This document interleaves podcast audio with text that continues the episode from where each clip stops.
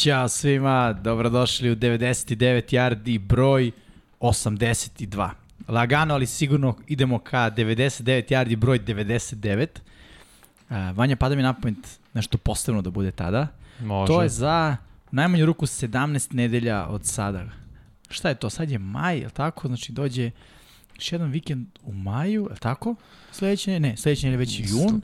On to je već... Jun imamo onda 4, jul, Da, ćemo biti u julu. avgust, onda tu sam već na 11, septembar, ej, to je početak sezone negde prilike. Nije. Neka Nije. možda peta, šesta nedelja. Ali u svakom slučaju, sad smo u broju 82, dobro nam došli, e, trenutno sam ja sam, tu i Vanja, ali u To formi sam. glasa. Vanja, Samo, samo u formi glasa danas. Samo u formi glasa danas. Srđan nam je odneo jednu kameru Pa i sledeće nedelje zapravo.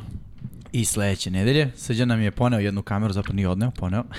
poneo jednu kameru u, u Muđelo. Pretpostavljam da a, svi vi koji pratite naš kanal znate da je Srđan tamo, da prati a, trku.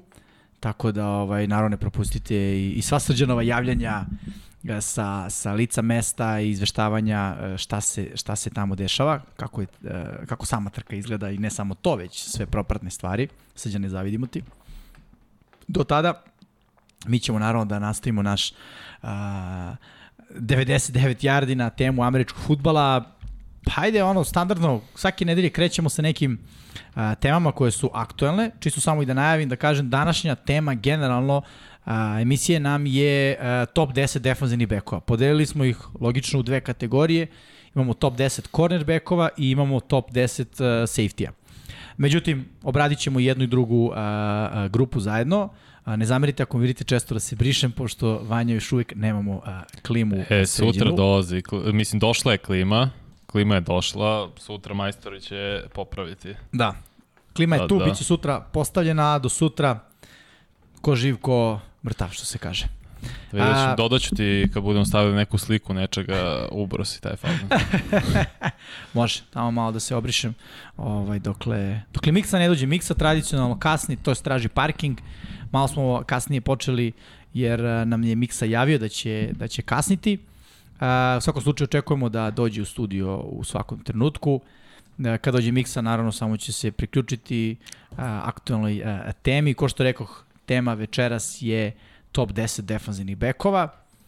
Bilo je zanimljivo, Vanja. Kad sam pogledao naše a, naša glasanja, ili tako da ih nazovem, bilo je neki čudnih stvari. Da budem iskren, prvo mislim da će ovo biti mnogo lakši posao. Dobro, se da je jako teško. izuzetno. Ne znam da li se slažeš sa mnom. Ne, apsolutno, stvarno je bio pakleno. Pogotovo Baš. cornerbackovi. Pogotovo cornerback, toliko ima kvalitetnih cornerbackova, toliko kad sam pogledao vaše uh, spiskove sam bio u fazonu čoveče, ja ovog čoveka nisam ni ono uzeo u razmatranje, potpuno zaboravio, da budem iskren. Uh, nije bio lak posao. Međutim, šta sam takođe imao prilike da primetim je da neke ekipe imaju dobre, dobra dva kornera, dobar duo, što kornera, što safety-a. Uh, čak mislim da nam u top 10 su nam završila dva safety-a iz, iz iste ekipe. I to dva puta čini mi se iz, iz iste ekipe, ali o tome ćemo naravno kasnije. Evo, u svakom slučaju, uh, nije, nije slučajno što su neke odbrane, jel te, elitne, kad spojimo sa svim, ovih, sa svim ovim uh, top 10 koje smo radili i iz perspektive odbrane i defanzivna linija i linebackerski uh, korpus, nekako neki timovi, onako, to jest njihovi igrači uh, iskaču i samim tim je logično da, da ti timovi imaju generalno kompletno dobre odbrane. Kao i do sada uvek smo radili na osnovu uh, prošle sezone, probali smo da izolujemo to, jako taj neki naš subjektivni utisak zna da nekad malo pobegne i na širu karijeru uh, određenog igrača, ali trudili smo se da budemo što uh, ne mogu da kažem objektivniji kad smo onako, svako je davo svoju listu, onda smo naravno ukrštali i primjenom uh, kompleksne matematike, što Vanja voli da kaže, došli do nekog da, zajedničkog konsenzusa, tako da a, top 10 je e, spreman, ali pre toga ajmo da se osvrnemo na neka dešavanja u NFL-u. Čini mi se da ova nedelja bila prilično mirna, nije bilo puno stvari, Vanja. Pa nije bilo zapravo što puno stvari sad mogu da pogledam Mm -hmm. na NFL sajtu baš vesti koje su bile da li je bilo neki potpisivanja Danas je, ajde dok ti to tražiš, mm -hmm. danas je bilo priče za Kolina Kapernika. On je imao e bravo Da, imao je taj workout ili kako da kažemo trening, jel te, sa Las Vegas Raidersima. kažu koji da je su- dobro prošao Da, kažu da je dobro prošao, ali uh, ajde još jedna stvar za, za Raiders. Potpisali su uh, Stidama, mislim da je to čak bilo i prošle nelje, da smo to spomenuli. Jesu, jesu. Imaju Nika Malinsa i logično Derika Kara kao, kao lidera te quarterbackovske grupe. Međutim, eto, zainteresovani su da dokle ne krene sezona, ja bih rekao, nađu i tog broja 4, čisto da podignu malo intenzitet uh, takmičenja između uh, quarterbacka koji, koje trenutno deluju najbliži tome da upadnu. Da li je to uopšte realno? Šta, da imaju četiri? Ne da imaju četiri, da Kaepernick bude. Opcija, da on želi da bude opcija 3, 4 i to. Pa vidi, uh, mislim da prvo Kaepernick nije u poziciji da puno toga može da, da želi u smislu, siguran sam da on nigde uh, ne, ne, nema uopšte priče uh, Miksa je ušao u Uđi zgradu. sloban. A, Uđi možeš slobodno, sloban. bit ćeš moj backup kadar. Evo ga, Miksa. Neka smo se krili. A sad? Neka smo se krili od ovih Samo skloni tu flašu, molim. bau bau. Da, da. Dodat ću ti čašu. A Dobit sada, ćeš- sada ih ovaj, prikrljavamo. Tako je, tako je. A, dobrodošao, Miksa. 99 Izvinite što yardi, kasnim. broj 82, da znaš samo. 82. Da, da, A bližimo ja se sam 99. zaboravio da prošli put bilo 81. Teo sam da A, svoj. ti, jo. E, ali bio ti u kadru. Tako? Bio. A bio Da. ti je, Da, da. Nije bio moj dres. Imamo nekog velikog igrača sa brojem 82. Sad ovako na kecu. 82? Da. Ne pada na pamet. Pa ono. Randy Moss? Ne, četiri. Nije četiri. Četiri. Da. Pa, o, pazi, nije veliki, ali osvojio Super Bowl i igraju u najjačem timu Ravensima. Ko? Torrey Shannon. Smith. A? Torrey Smith. Ko je Shannon broj nosio? 80. Mislim, ne znam ko je Shannon. Ja mislim da je- Steelers ima neko 82. Ja mislim da je nosio Shannon, da je u, u, Bra, u Broncosima nosio 84 a ovim 82. E, moguće. Ko zna? Moguće. Moguće. Baš mi ne pada na pamet. Ali da, nije 82 toliko catchy broj. Nije kao ono 80 cats da možda nabrojiš nekoliko igrača. Pa da, pa, nosili. 80, 81, 88, Da, to su brojevi koje... tu ih ima. 87 čak? I Pa ima tu prilično. par, da. Ali eto, Tu bi se 82. setio 82. Ne znam, onako. ne pada mi, ne pada mi na napamet niko. Znaš ko mi pada na pamet? Santana Moss. Santana Moss, uh, kako se Da, zove da. return iz Chiefsa? Ozzy Newsom. Nije- Ozi, a? Da, Ozzy, Shannon Dobro, kad je igrao, ni, nisam bio ni u planu. Hall. Jel DeAngelo Hall? Frank Clark. Ne, on je DB, Uh, Dante Hall. Dante Hall, returner Kansas City Kansas Chiefs. City. Broj 82. Re, Anton Randall L, mislim da je on bio broj 82. Jeste, Dante Hall je bio. Steelers. Da, to da. googlaš, Vanja? Pa naš sam. Vanja, Vanja brzi prst. Ok, uh, krenuli smo s nekim kao vestima, ali nije bilo puno ove nedelje. Pa nije, pa da. Dotakli smo se ovoga e, priče sa Kapernikom. Ne znam da si ispratio danas je dosta Ma. priča o tome. Ok, jeste kao da je ma, istina, ali kao ispoštujemo neki uvod, imamo neke aktuelnosti Da. i Tamo to- Vanja je postavio pitanje O, rekli smo da imamo e, trening sa, sa Raidersima, da su oni kao zadovoljni, ali isto tako je vest pred početak negde podcasta bila da ne delujem da će doći do, do, do, do saradnje. Pa naravno, pa I ja mislim da. zašto bi delovalo, mislim, čovjek je bio loš quarterback dok je bio u full formi, Da, sad nije igrao godinama i i stariji je. Mislim da, samo se on diže pompa, znaš, da. on oko sebe, mislim odgledao sam neku seriju njegovu, onda sam tu malo skapirao njegov pogled, mislim, razumem, samo ono, znaš i sam, mislim, Da. ka- kako sve to ide, kako se to vrti u krug, u principu, njemu da kažeš da nije dobar, on misli da mu kažeš da nije dobar za, zbog boje kože. A ti mu kažeš da nije dobar zato što statistički je bio dno dna. U NFL-u je bio jedan od naj, mislim jedan od, bio od 32 najgori quarterback po procentu kompletiranih dodavanja pase ratingu, znači pet kategorija čovjek bio najgori. Mislim, možda budeš ljubičast, crven, neonski, zelen ili žut, Da. meni je apsolutno sve jedno. A Brojke ako si brojke. loš, Da. loš si, mislim. Mislim, ej, ajde da pogledamo jednu drugu priču. Mislim, koju, koju smo spominjali, Baker Mayfield. Znaš, tu nema neke pretrene priče o nekoj nepravdi, da ga neko nešto... A, a realno slična situacija, tako? Baker je bio pik broj 1, Kaepernick nije, okej. Ali ajde, Kaepernick je ušao u Super Bowl.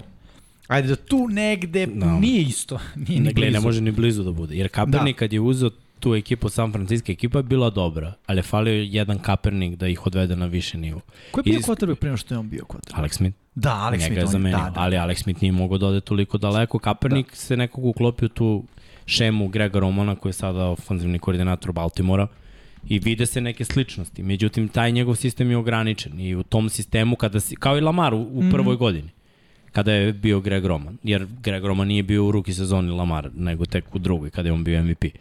Kada on postavi tu svoju taktiku, ona u NFL-u baš bude drugačija. Niko ne može da se odmah prve godine prilagodi toj njegovoj ofanzivnoj taktici i zato je Kaepernick izgrmeo tu prvu sezonu. Naravno, brz je dečko, te read option i trčanje njegovo outside, to je bilo nerešiva enigma. Mislim, Frank Gore i Kaepernick. Znači, ili ćeš da braniš inside ili je fokus outside. Mislim, rastavit će ti Tako ovako je. i onako. Plus, imali Hvatačke su par opcije. solidnih hvatača. I, I tight endova.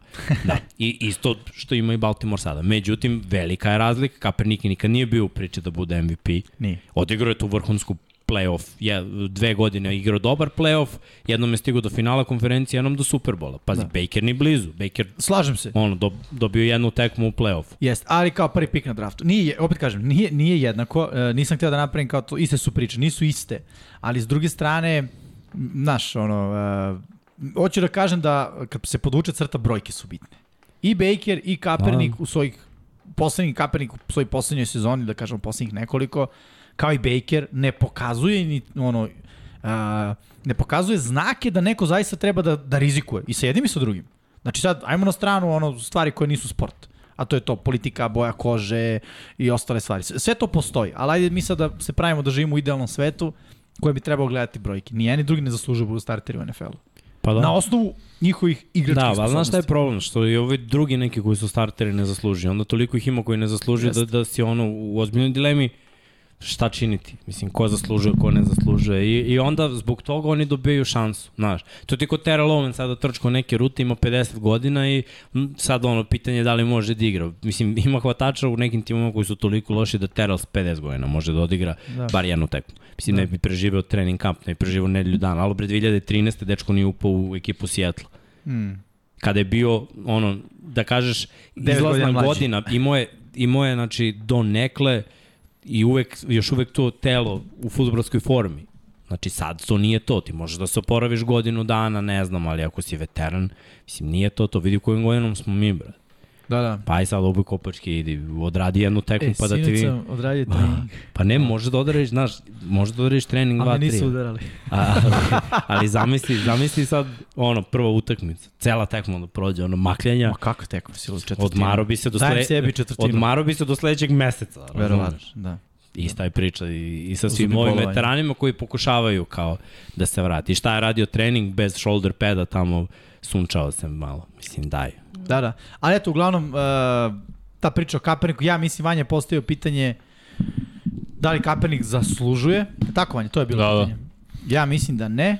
I kao što si ti rekao, ajmo samo da gledamo brojke, ajmo da probamo da budemo objektivni. Pa i to, i da li on želi da bude quarterback broj 3, 4? Pa mislim... Ma, on je sad u fazonu da bude bilo gde quarterback, jer ja da budeš quarterback broj 3 sigurno imaš bar 5 miliona. Bar. Misliš? Pa gledaj, backupovi da, li on, oko 10. Koliko, 4 godine igra, tako? Pa do, Možda mislim više. da je više, mislim da je više, da, ali ne znam, znaš, mislim sigurno bi bili tu malo i sponzori uključeni, opet bi se vratio malo. Gledaj, njega neko da potpiše, Nike odmah će da grune ko, koju ima. Nar, naročito zato što je humanista, zato što ima te svoje Jest. akcije humanitarne, ali, daje kintu na sve strane. Ali kogod ga potpiše, suočit će se sa nečim novim, a to je pritisak javnosti. Pa naravno. Pritisak zašto ne igra, zašto je na klupi, ubaci ga. Pogotovo zašto je loš? Uzme, da, da. Pazi, pogotovo u situaciju koju bi ga uzela loša ekipa, a verovatno bi ga uzela, okej, okay, ajde, ovo su bili e, Las Vegas Raidersi koji, za koje ne mislimo da će biti loša ekipa. Ali ako ga uzme loša ekipa, od prvog dana će biti zašto Kaepernick ne igra. Zašto je loš? Što ste ga uzeli? Zato što da, neko treba... A zamisli pritisak, ono, ako quarterback start ne igra loše i onda bude... To Ubaci ga, šta, znaš, šta, da, da, šta, će, šta će može loše da se desi, već smo loši, neki igra, daj da ga vidimo, znaš. Da. I mislim da to isto NFL i treneri i vlasnici ne žele. Ti si apsolutno u pravu, Miksa Kaepernick je stvarno bio grozan poslednje godine. Baš to, to nema nikakve. Da. Treba, treba biti real. Da ja sam tu, to je, sećam se prve godine kad nije, pod, posle, znači, klečanje i svega toga, kad je Jelena Trajković pisala kao blog neki, na sport klubu i pita mene kao da li je dobro, a op, naravno sve ove dileme. I bila je slika u tom trenutku koja je izašla sa njegovom statistikom te sezone, sve ovo što sam nabrao gde je bio rangiran kao najgore kvotrbe u NFL-u. Da. I samo sam mi to poslao. I rekao, ovo je razlog, ljudi, nemoj se Tako lažemo da, da, da razume da se to krije iza ovoga i iza onoga. Razlog je zato što je loš i to mm. je to, nema tu sad. Evo ti ocena koja je bila od strane Pro Football Focusa za 2016. godinu. Znači tad je poslednji da. put igrao, legit, 57,8. Od 100. Ajde kažemo da to nema niko. Od 1 do 10, da, da, to, to ti to. 57,8 mu bila ocena. Imao je 220, 2241 yard bačen. Touchdown? 16 touchdowna, Interception. 4. Što je okej, okay, ali 2000 yardi. da. Je li igrao cijelu sezonu? Sad ću da vidim baš koliko je igrao. Mislim da je bio bench on zbog klečanja, ali Da. mislim nije bio dobar. Nije igrao je od šeste nedelje. I to stvarno ono, od 6. do 17. Da, da, da, znači igrao je sezonu. Ne, igrao je sezonu i evo ti poslednje dve sezone 15. i 16. ocena 57 i 47. Da. Da. Pa kao. Ali okej. Pre bi izabrao klinca i trenirao njega, on Drew bi mi bio jeftiniji i, i trajao bi mi, znaš, to bi bio moj projekat. Ovo nije projekat, ovo je penzioner kog ja dovodim u nadi da je bolji od klinca koji, znaš, mislim, na mlađima sve to ostaje. Naravno, kao takmičar ti hoćeš da igraš i u 40 godina. Da. Ali moraš da shvatiš da se, mislim, ovaj sport bi trebalo da se igra do 30. Istina. Tri- 32 maks, znači 10 godina. Kreneš sa 22, odradiš ruki ugovor, odradiš još dva ugovora posle To je toga, to je to, doviđenja. Mislim, nikad ka Kaepernick nije imao neku sezonu wow. Pa nije, on To- je bio ono ro role player. Pa ne, taj playoff je bio brutalan. Ne, ne, ne celu sezonu. Da, da, nije, pa ali, ali kažem ti opet taj sistem Grega Romana ga je stavio u, bukvalno u spotlight u jednom trenutku i to je bilo ono jedna godina sledeće godine. Sledeće dve godine Seattle ih je zatvorio skroz. Jer su da. provalili s tom odbranom kako da spuste Chancellora i, i da kontejnuju taj outside run. Jer on nije imao mnogo tih read optiona trčanja kroz sredinu. Ne, nego bilo mislim. gore inside, on Ili outside. outside, da, da. I mnogi nisu mogli nikako. Znači, prvo taj read option je zamrzao mnoge. Gledaj, Clay Matthews kakve sezone imao, nije mogao u, da se odluči running back, quarterback. I uvek je neko prolazio i bilo je problema u NFC-u Dobro, odbranom. ajde da kažemo i ovako, da je u tom periodu NFL-a to bila prilična novotarija. Jeste. Zar ne? Jeste. Taj read option. Nije si Tako. igrao pre toga. Nije. Bilo je ono pocket passer i odjedno bam, evo ga posle Michael Vicka. A pazi, čak ni Michael Vick nije bio zone on nije bio zone On read. je bio pas, nema ništa, trčim. Nego je bilo, pazi, čudno je bilo i da vidiš quarterbacka da trči uopšte. Jeste. Nije ih bilo mnogo. Nije, nije, nije. Nije bilo uopšte, da kažem. Michael Vick je baš bio anomalija. Tako je. I To- onda to, to su dolazi... bili Cam i Colin. Cam je draftan 2011. kao i Kaepernick. Tad su njih dvojice zapravo to polako krenuli. Tako je. I krenulo je samo više i više i više. Svaki sledeći draftovani, računajući Mariotu, je, je bio ono malo da. Da. mobilni quarterback. Jeste, jeste. I sve ih je bilo više. RG3 2012. 12. 12. Da. Kako je to sila bila? Opet, to, to, znači, tad je krenuo neki trend, od 2010. ok, nova decenija, nova neka era, ajde malo da, da NFL postane više college football, da, da bude... Pa, zna, znaš šta je ono ultimativni cilj? Uvek se vraćam na, na, na tu neku priču, kad se pokrene priča oko košarke, NBA, evropska košarka, I ono što je Embo, naš trener, rekao, pitao mene šta je poenta, da imaš više poena protivnika. Daj više poena, kraj priče. Tako i u futbalu, ono. Ti sebe stavljaš u bolju poziciju kada quarterback trči imaš 10 blokera naspram da naspram situacije kada back trči ima 9 blokera, tako? Da. Da. Protiv 11 u odbrani. Tako da on stavi sebe u najbolju poziciju. Imaš igrača koji je trči, koji dobro trči, koji donosi dobre odluke, ne prima previše udaraca u smislu kao recimo Lamar. Lamara stvarno ne udaraju previše. On Da. dobija udarce, ali ne recimo kao Cam. Mada Cam je išao Cam je išao na udarac. Cam je Lamar je išao Lamar na fizikalno. Ili se baci, mislim. Ili da, se da. baci i završi akciju na vreme. Neću kažem pre vremena, ali na vreme. Ovaj, I onda zašto ne? Koristi to. To je dodatni napadač. Ono, još, Baš jedna, to. još jedan trkač ko, na ko, za koje odbrane barem treba se spremati. Gledaj, to je bio najbolji atribut Kaepernick. Sumnjam da ga ima i dalje. Posle Istina. 10 godina. Istina. Pa, Sumnjam, iskreno. da, I mnogo su i bro bolji i sad i brži defanzivci, mislim, prosto je tako. Ima i toga, ali on nije, znaš, i da je iste one brzine, sad su već videli. Znaš, kad vidio si Lamara toliko, svaka ekipa je videla Lamara Jeste. u posljednje A on četiri nije godine. od Lamara. Svako, ni, ni, ni, ni, ni blizu, brate, toga. Realno. Baš. Tako da ne, ne, nema potrebe ra razglabati o tome. Da. Jeste rekli Kyle Fuller, Jadavion Clowney, to da ponovim. E, još nismo rekli. Jadavion Clowney potpisao za Brownse, Kyle Fuller za... Godinu dana, tako? Da, da. Uh, Kyle Fuller za Ravense. Uh, br, br, bilo je tu još par nekih... Sino sam vidio jo- još par nekih Pa manje malo priprobao da pronađe. potpisivanja. Ja, Da. nije mi ništa onako ostalo u glavi. Te, evo stiže application, neko me je pitao. E, imamo još jedno pitanje uh, koje je bilo prošle nedelje. Neko je pitao da, da li može da istetovira naš logo. Stvarno. Kao loptu za američki futbol, ovo mu je najgotivniji. Može. Wow. Kao da li se, ja sam rekao, ja nemam ništa protiv. Ja. Kao, kao da li treba da tražim od vas? Ne treba. Ne, treba... Tu- Tužit ćemo se kao Da, ne. copyright claim. Kidaj! copyright claim. seci ruku. Da. Skide. Ej, ne. Uh, Prežalje i napiši ne važi. Da. ne važi, da. ovaj, uh, wow. Mislim, meni to baš ono... To svako je iskreno. svaka čast. Wow, Dobar logo, ja vam kažem. Jeste. Ko je, ko je čovjek? Jel možemo da mu kažemo ime? Ne? Pa, morao bi da uđem na YouTube, pa trenutno čekaj prvo da završim ovo. Znam da Ajde. sam video nešto. Ajde, okej. Okay. Uh, ajde ovako, ja mislim da nema uh, više nekih uh, vesti koje su toliko, da kažem, bitne uh, da treba da se spomenu. Dosta stvari su govorkanja. Seattle potpisao Markisa Goodwina. Uh, da, Mhm. jeste. To je ono, moglo bi da bude, Jeste, pošto to je da nije bude igrao jedno dve, tri godine. Tako je. To je A, onako najveće pitanje. To je jedan i ima još nešto. Mm, Ravensi potpisali Breta Huntleya. To je Da, zanimljivo. pa još jedan. Da, Telo za kamp. tačno. Nauči malo sistem, pa ne, za ne daj Bože. Upravo tako. A, ali u suštini prilično mirna nedelja. Što da. se tiče, što se tiče NFL-a. Dešavaju se OTAs ili ti. Organized Team Activities, koje nisu obavezne, da se razumemo odmah. Tako da kada vidite vez da neki igrač ne prisustuje, nije to nikakva vest. Oh, šta ovo znači? Ne znači ništa. Uglavnom veterani i iskusni igrači tome ne prisustuju. To je već, već ideja OTA su uh, da dođu ruki, pre svega, nakon ruki minikampa da ovaj dođu i da lagano ulaze u taj timski duh i da se uklapaju tim da, da vide ono kako to izgleda, što se kaže, živeti NFL život. Hmm. Kažem, veterani uglavnom to preskaču, neki i ne preskaču, neki Ovi koji su tu. potpisali za nove timove Da, oni su moraju tu. da budu Oni tu, su da tu. uđu malo u sistem. Tako je, tipa zato je Russell Wilson na svakom mm. treningu.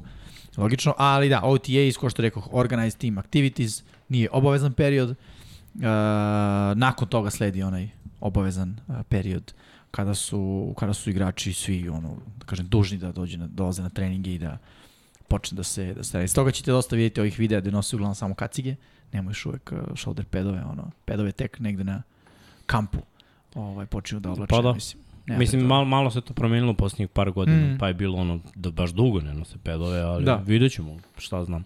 Mislim da, da, da nije baš najpametnije da, da igrači toliko dugo budu bez pedova, jer onda kada dođe, mada sve zavisi kako ko gura igraču pre sezonske utakmice. Mislim, i sve je to na korak od, mislim, šta je još, dva meseca, Jeste. jun, juli, pa evo ga avgust i već imamo u prvoj nedelji avgusta Hall of Fame utakmicu. Da. Tako je. Pa mislim da ćemo i pre toga imati i ove kao zajedničke treninge, što je dosta praktika u poslednjih Da. Pa dobro, nekoliko oni godina. idu, da, oni idu i posle. Da, u da, toku, idu. U toku Mhm. trening, off-season.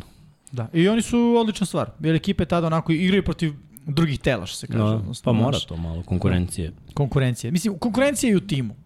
Jeste da, ali ovo je onako, Ali ovo je baš konkurencija, hoćete pobedim. da, Da. prvi put se malo oseti. da. Kontakt malo, žar, a ovaj kad smo kod žara, jesi, jesi pustio tamne? Jesam. Bravo tamne. Ajmo da vidimo. Tamo, Bravo, Nail, thumbnail. Kida. Baš je dobro.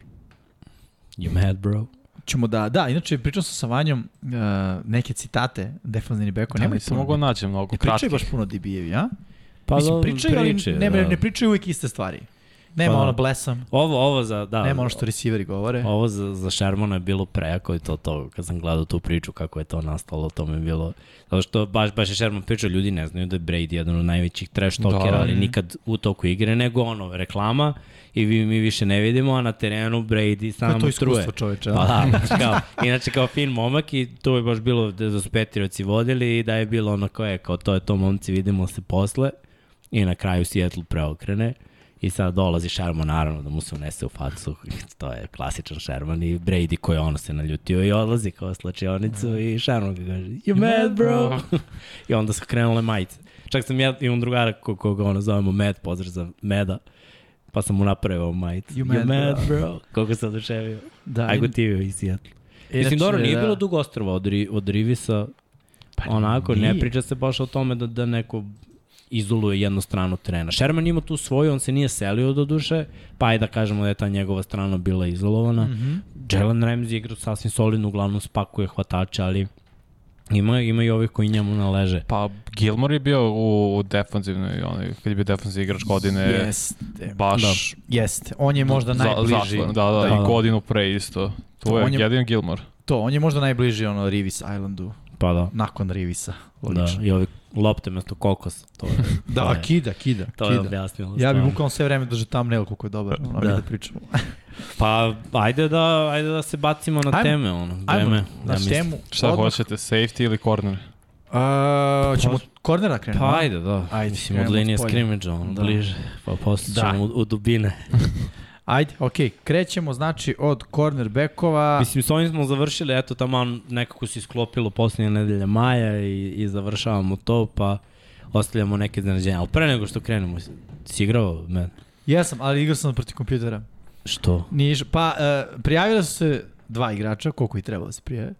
Međutim, oni imaju Madden 22, mi imamo Madden 21 i ne, nismo mogli Moramo super. se upgrade-om ili da sačekamo Maiden 23? Moramo se upgrade. Pa zar nismo imali ono, čekaj, ono Mahomes i Brady edition, to, Nismo imali. To je 22.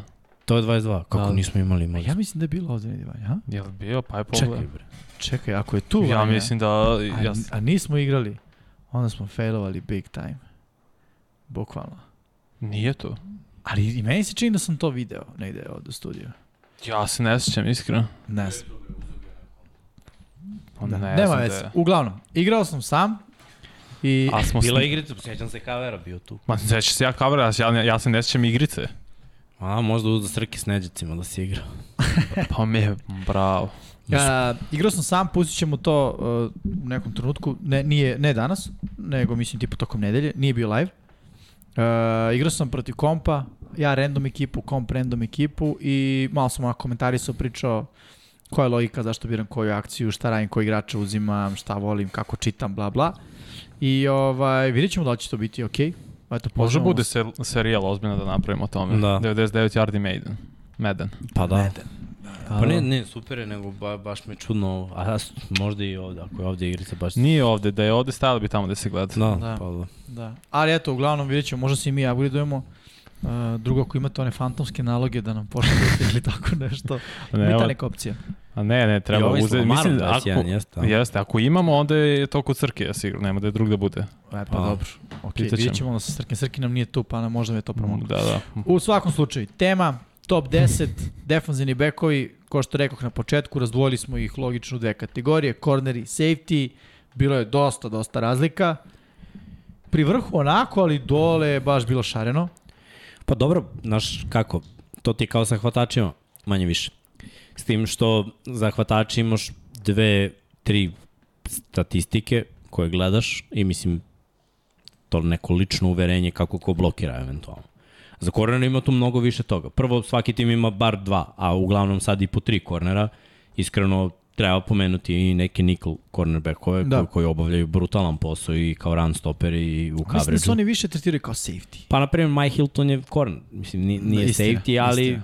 Igra bio je u da. Steelersima, mislim, veliki ključ ove odbrane Bengalsa. Jeste. Jer uvek uzme ono, znaš, ne vidi se to, njega izbegavaju, ne dodaju te brze rute, a, znaš, nije statistika toliko dobra, ali posao koji obavlja je brutalan. Ono. Ja sam ga, mislim, spustio tu negde dole ispod mm. -hmm. 10, čisto za respekt. Da. Jer mislim da treba, ali mislim kad pogledaš to je 64 minimum cornerbackova, mi treba da izdvojimo 10, ok, nisu svi na visokom nivou, ali ima dosta dobrih, tako da možemo da pričamo opet, ono, lako ćemo na vrhu, taj konsenzus i sve, ali ovo dole možemo da ubacimo i ove koji nisu, jer ja, ja sam napisao, ne znam, 12, 13, A, napisao si ti. 11, 13, Da. ne, ja sam napisao 11, Vanja napisao 14, Erceg je napisao. Kad je Erceg napisao 11, Da. tad sam skapirao da je baš bilo... Pa ne, pa ima. Tako da možemo da pričamo, možemo da pustimo desetog pa da kažemo sve koji nisu bile tu. Deseti je Denzel Ward, uh, Cleveland Brownsa, momak koji je baš izrastao u zvezdu i to se i očekivalo s obzirom da je visoko draftovan, da je draftovan da bude starter, da može da reši sve što je potrebno Mislim, svakog uh, hvatača. Da, i u toj godini kad je draftovan, ono,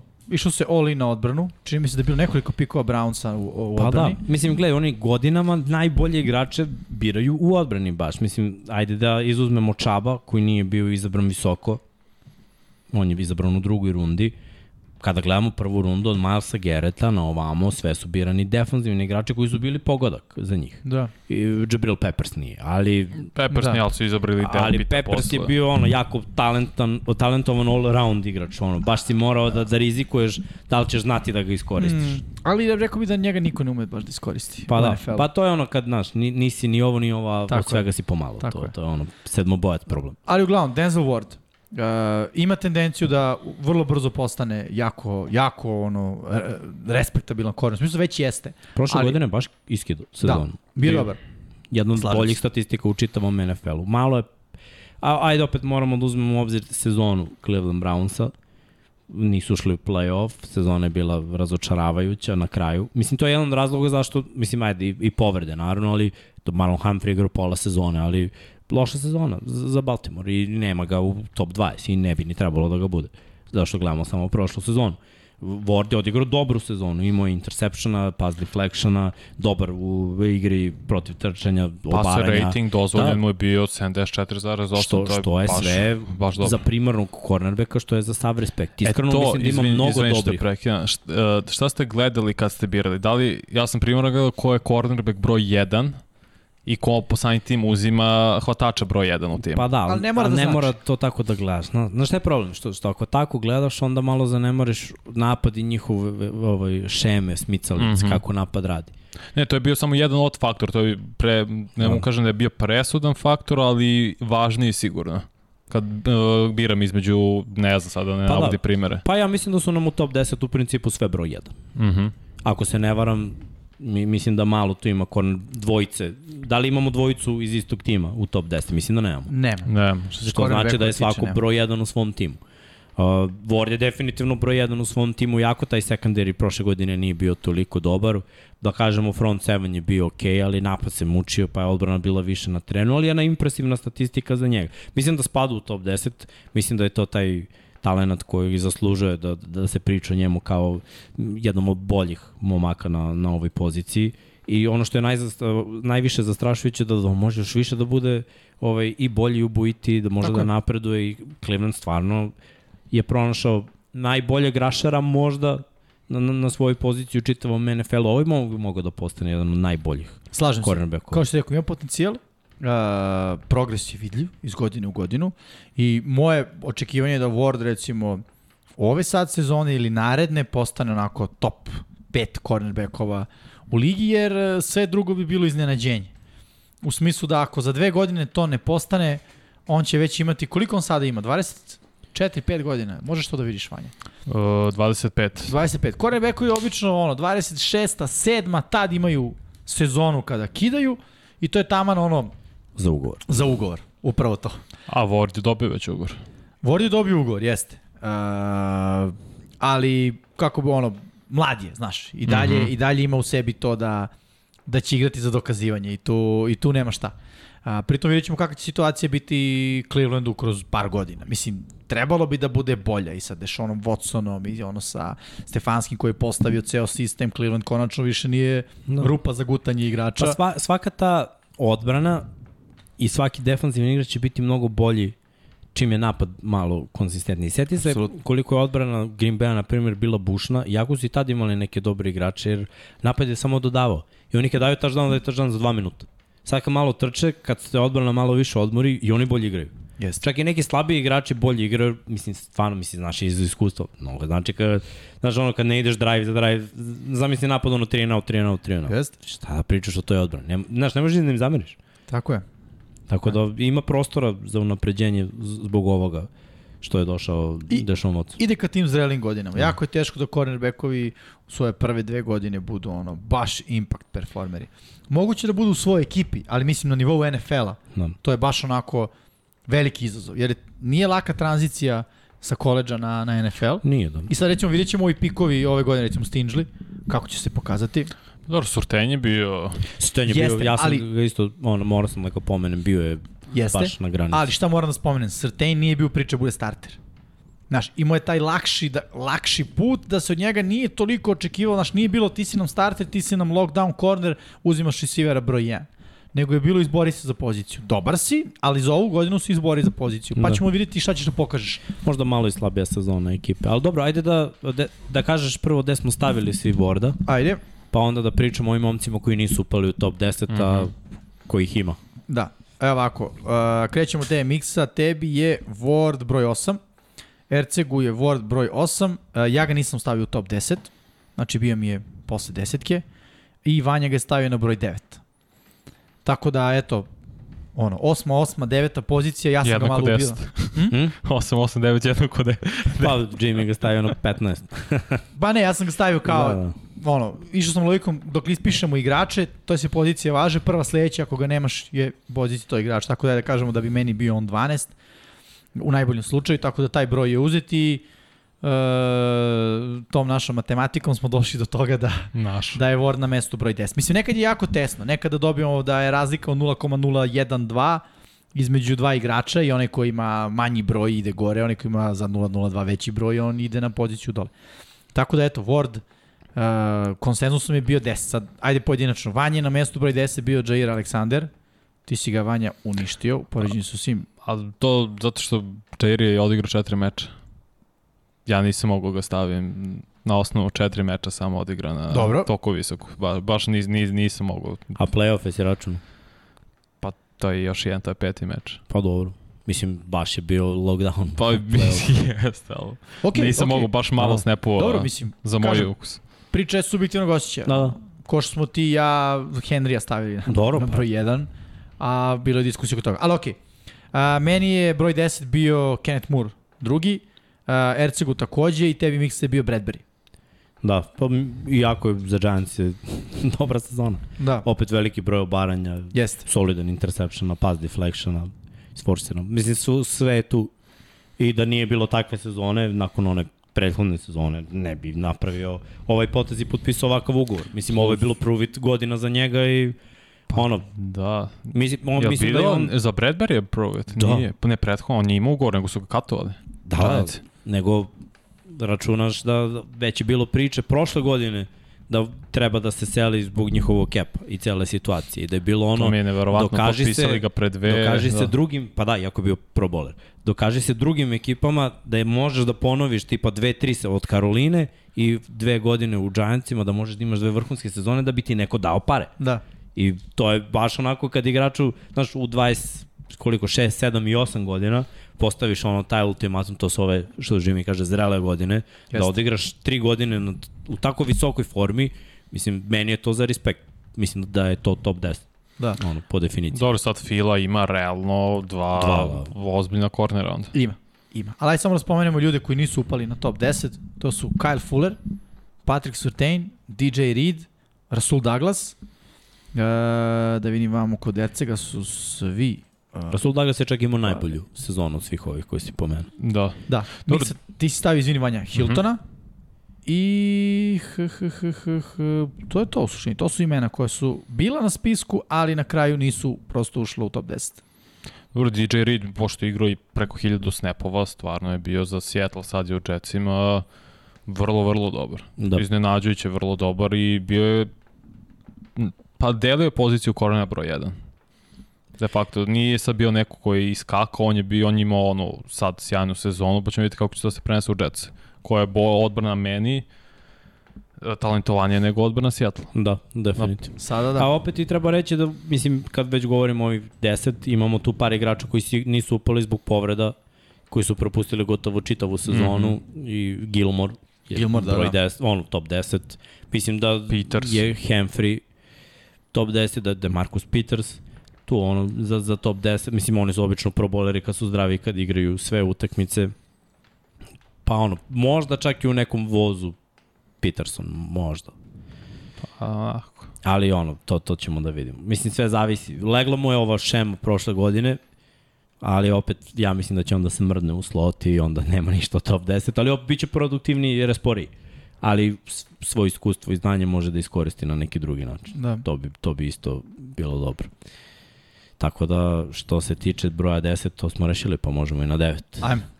Broj 9 nam je Kenny Moore, koji neće drugi. da trenira dok ne dobije novi ugovor. A iskreno kako je odigrao sezonu i treba da traži novi ugovor. Slažem se. Jer, mislim, dovodiš novog kornera, ambicije su ti Super Bowl, sve je to lepo, ali show me the money. Znaš, šta, šta oni imaju, šta ako opet bude neka loša sezona? Ambicije su jedno, ostvariti ih je druga, ambicije su bile playoff prošle godine, pa se saplatoše u Jacksonville. Tačno. I šta on ima od toga? Ništa. Znači, pare na sunce. U Pritom- principu. Imaju kvotrbeka koji zarađuje malo, zapravo sada me trajanje ono, na ugovoru nekom smešnom. Uh, doveli su Folsa, koji ono, sigurno ne prima neke velike novce. Mm. Jonathan Taylor, najveća ofanzivna zvezda, i na ruki ugovoru ugovor, kao i da, da. Pittman. Kao i Quinton Nelson. Znaš, manje više kad pogledaš, imaju prostora da mu daju ugovor, ako smatraju da treba imati ovaj novi trend, dva vrhunska cornerbacka. Ali jer, mislim da ne smatraju. Ali sad timovi su krenuli u tom smeru, izvali Baltimore Fila, možda su baš kolci taj treći tim koji će upariti dva vrhunska cornerbacka. Da, mo moje mišljenje je da kolci ne idu u tom smeru. Uh, moje mišljenje je da kolci idu u smeru, imamo odbrana, što se odbrane tiče, gradimo oko Lenarda. Mislim da je to njihovo ono... Do Leonard Buckner isto, taj... Da, imaju D-line isto, jako, Da, da. da. ima i D-line, mislim I da su ovaj im... Paje je njihov, ti Mhm. pay, Paje, kako god, je Da. da. njihov ti pik pay, da. isto. Mislim da je generalno sada u NFL-u uh, pristup da su defanzivni bekovi ono, zamenjivi materijal. Zamenjiva roba. I mislim da je to razlog zašto ono, Kenny Moore, pitanje je da će dobiti taj, taj novac ili neće. Na kraju bi trebalo da ga plate. Mislim, vidi, ova sezona za njih stvarno deluje veliko na papiru. Mislim, ima potencijal da bude velik. Mm. I ono, trebalo bi da ga plate, ali stvari što ako ga plate, platit će ga na nekoliko godina. Tako, to znači da on ostaje tu duže, barem dve godine, nakon čega, i ako stvari ne funkcionišu, mogu da ga traduju. Ovaj, uh, mislim, mogu, mogli bi. Ali opet, uh, s druge strane, ne znam. Ne znam da, da, da, da li je to generalno smer. Ja bih ga platio. Da sam koliko. Gledaj, ovo je core ekipe defanzivni koji moraš da zadržiš u AFC-u ako želiš dalje. Istina. I, I stvarno imaju odličan kor, odlične igrače i oni su prvenstveno defanziva i rana ekipa. I zato ti trebaju vrhunski korneri. Plus u AFC-u je fi- firepower ogroman.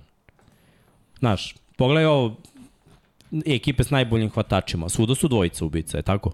Jeste. S njima ćeš ukrstiti u play-off ako uđeš u play-off. Mislim, ne, ne može da ti igra ruki ako želiš Ali imali da, su da iskoristiš dobru dobre godine Metarana. Koliko će Metaran imati još jaki godina? Možda Da, dve, tri. Koliko Možda bi ovaj, samo.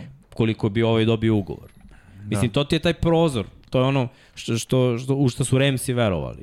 Mislim da, da kolci mogu malo, ne, ne moraju ono totalno copy-paste, ali mogli bi malo da kopiraju taktiku uh, Ramsa i da dođu do uspeha sa vete, veteranom quarterbackom, sa mladim i talentovanim skill igračima, ali potreban ti je. Dovao si Gilmore, ovi su doveli Ramzija, sad imaš svog igrača, mislim da je bolji od Dariusa Williamsa, Kenny Moore, definitivno, tako da... jeste, ali dobro, oni imaju Xavier Rhodes je bio sasvim solidan, Isaiah, ovaj isto, čini se Rodgers.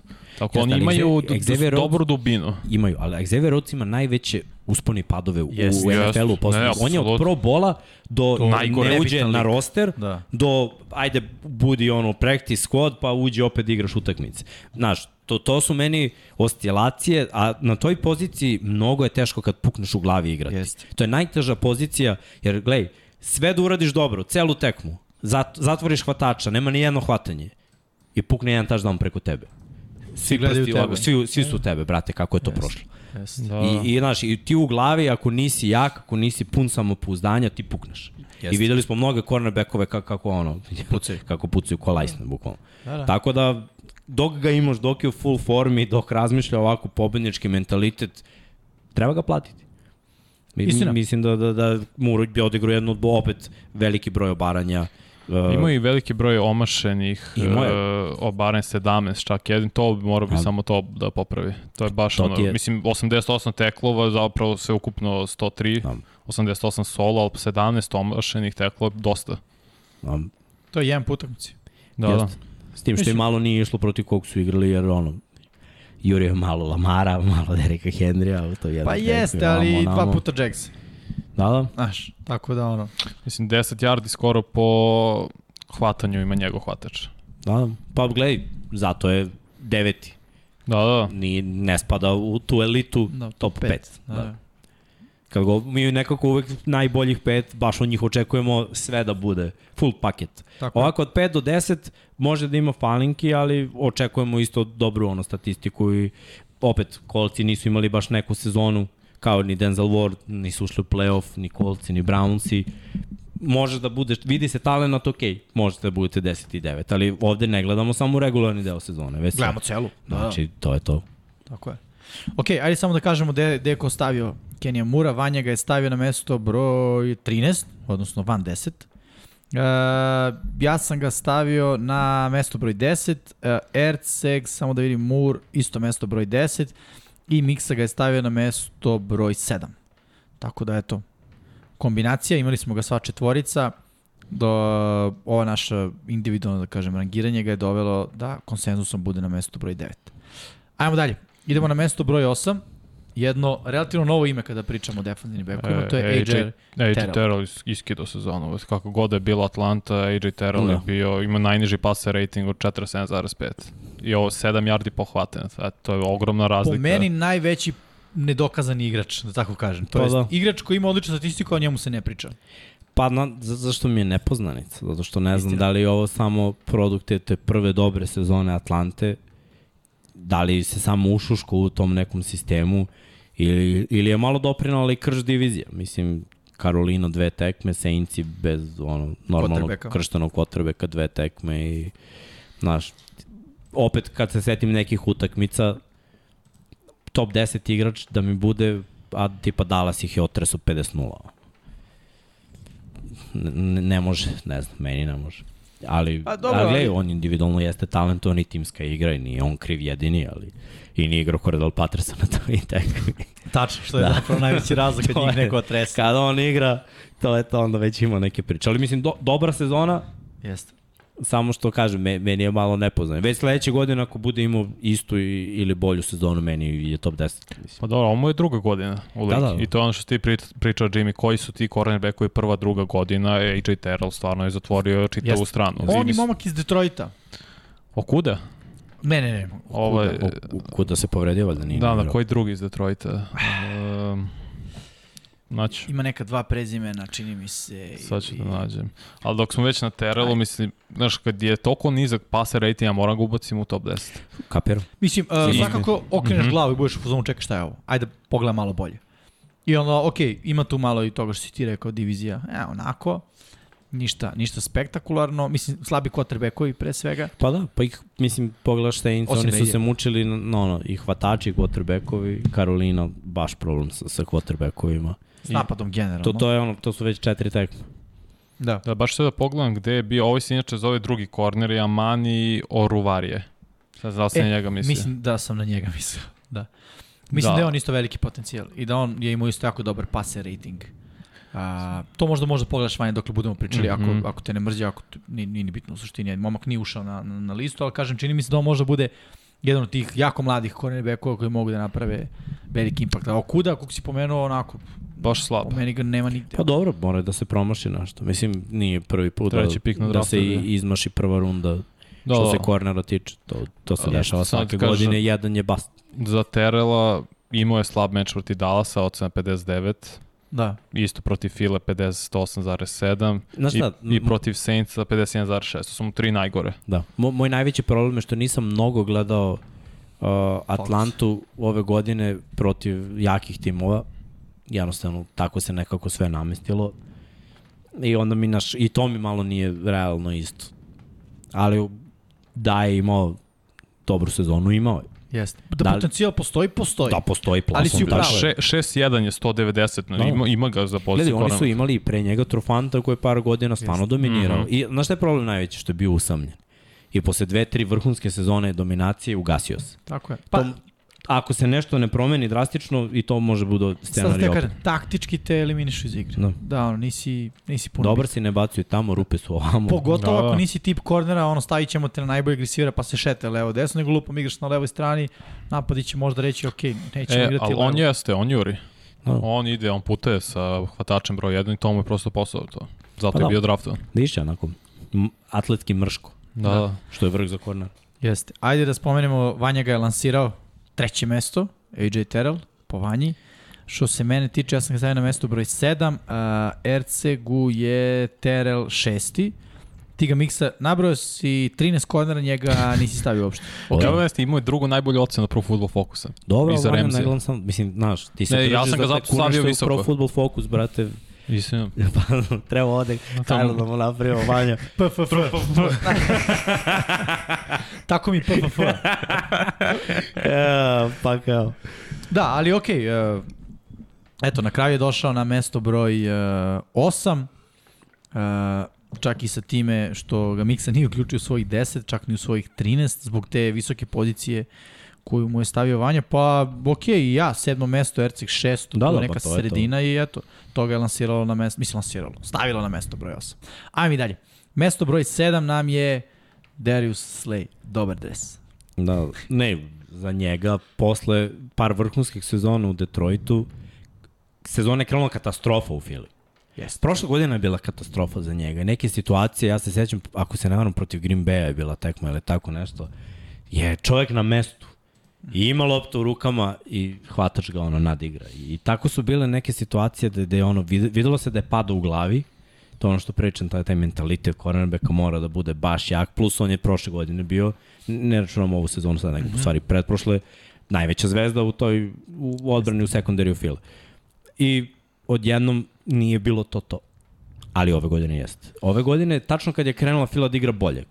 Početak sezone je bio loš. tako je. I onda odjednom bio pap, zaokret, nešto je krenulo bolje i napad i odbrana su krenuli da voze, a on se nekako istakao kao, Jeste. kao opet taj dobar cornerback. Šta bih ja dodao? Fila je pre dve godine imala ono, cornerback je bila pozicija, bože me sačuvaj. Onda je došao Slay tokom sezone i bilo je kao super, imamo Slay, ovo ono, međutim, ko što kažeš. Prošla godina, opet počinjemo sezonu sa Slayom, već deluje bolje i ono, šta imamo još pored njega? Pa imamo McLeoda koji je ok na safety, pričamo o celom sekundariju. Um, Ali McLeod, naš, nije to to. Ono, I on i u, u ovim Remsima kad je bio, bilo je ono, ok, potencijal tu je, bit će, nije sad dobra sezona, nije loša, bit će sledeći, tako i u Fili nastavi da igra. Ovaj, I čini mi se da Slay tu jeste onako zauzeo tu centralnu figuru, ali, znaš, nedostaje ti potpora od ostalih igrača. I onda kako su kliknuli linebackeri, kako su počeli oni da klikću, kako je TJ Edwards iskoračio, počeo da igra bolje. Uh, stvari su počeli da idu bolje i što se, što se njega tiče. Tako da ono, to je neka bila logika, međutim, šta znam, ja onako kao, kao fan Eaglesa, nije mi to bilo, znaš, nisam mogao da, da gledam na njega kao na Remzija. Kao na, znaš, Dobro, nekog da znam, da. ej, on je levo, tu, ne, tu neće proći pas. Ne znam, možda i prođe. Totalno, šta znam. totalno drugačije. Zbog Mislim, cele odbrane koja je bila, e, ono, on ne igra toliko fizikalno, više igra ono inteligentno. jeste. I, i to je njegov fazon, to je, to je njegova Stari igra. kov cornerback. Znači nešto kao Sante Samuel, mm -hmm. to, je, to je neko poređenje koji isto bio u Fili. Jeste, ali je, opet čini mi se Sante, kad je bio u Fili, bio u boljoj formi nego Slay, uh, Asante u Fili kao Slay u poslednjoj sezoni u Detroitu. Mislim, celoj sezoni. Da, mo, možda je ta, Asante eto malo bolje osjećaj generalno Svakako. u odnosu na Sleja, ali u današnjem futbolu iskreno malo je cornerbackova koji igraju, koji igraju na osjećaj igraju toliko dobro kao Darius Slay. Pa da, plus moram spomenuti da Darius Slay ima godina, 31 Da, da, godinu. Znači, on Da, je da. to zlatno doba, da kažemo, za cornerbackove prešao, ali delo mi kao da je te dve godine poslednje u Detroitu totalno ono, izbacilo iz igre i mentalno pre svega što si ti rekao i sad u Fili se vraća plus uz Bradberija, Da. bolju odbranu, mislim da će o- ova godina sad potencijalno biti najbolja za Slaya koja dolazi. Ja mislim da. Da. da neće. Mislim da će on ove godine imati ono rol. Uh, to jest da će biti role player u smislu da će imati svoju ulogu, da ima to veteransko prisustvo i da veteransko prisustvo u smislu i kad ga stavimo na najboljeg hvatača i ako prođe na njega nije strašno, vratit će se mentalno u igru. Jer sad igra u boljoj odbrani, generalno odbrana Fila deluje mnogo boje na papiru nego prošle godine. O, da. I posle drafta, i posle free agency-a, i sad ovog perioda, kad se i dalje dešavaju uh, tumbanja, napad deluje bolje, znaš, motivisaniji si da igraš do samog kraja, trenutno je Fila favorit broj 1, rekli smo i po nama da osu i isto NFC-a. Da, pa i opet si u, i u gradu koji ono, ima taj moment loženja. Jest. A bi, ono, sve je bolje od Detroita gde je proveo. E, to sam teo da kažem, znaš, ono, teško je bre kad te non stop biju u glavu. Mislim, Da. metaforički rečeno, teško je da samo primaš udarce, da igraš za Detroit, da samo gubiš, znaš, jako je teško biti, ono, to po meni je mogo Barry Sanders i niko više. I Megatron.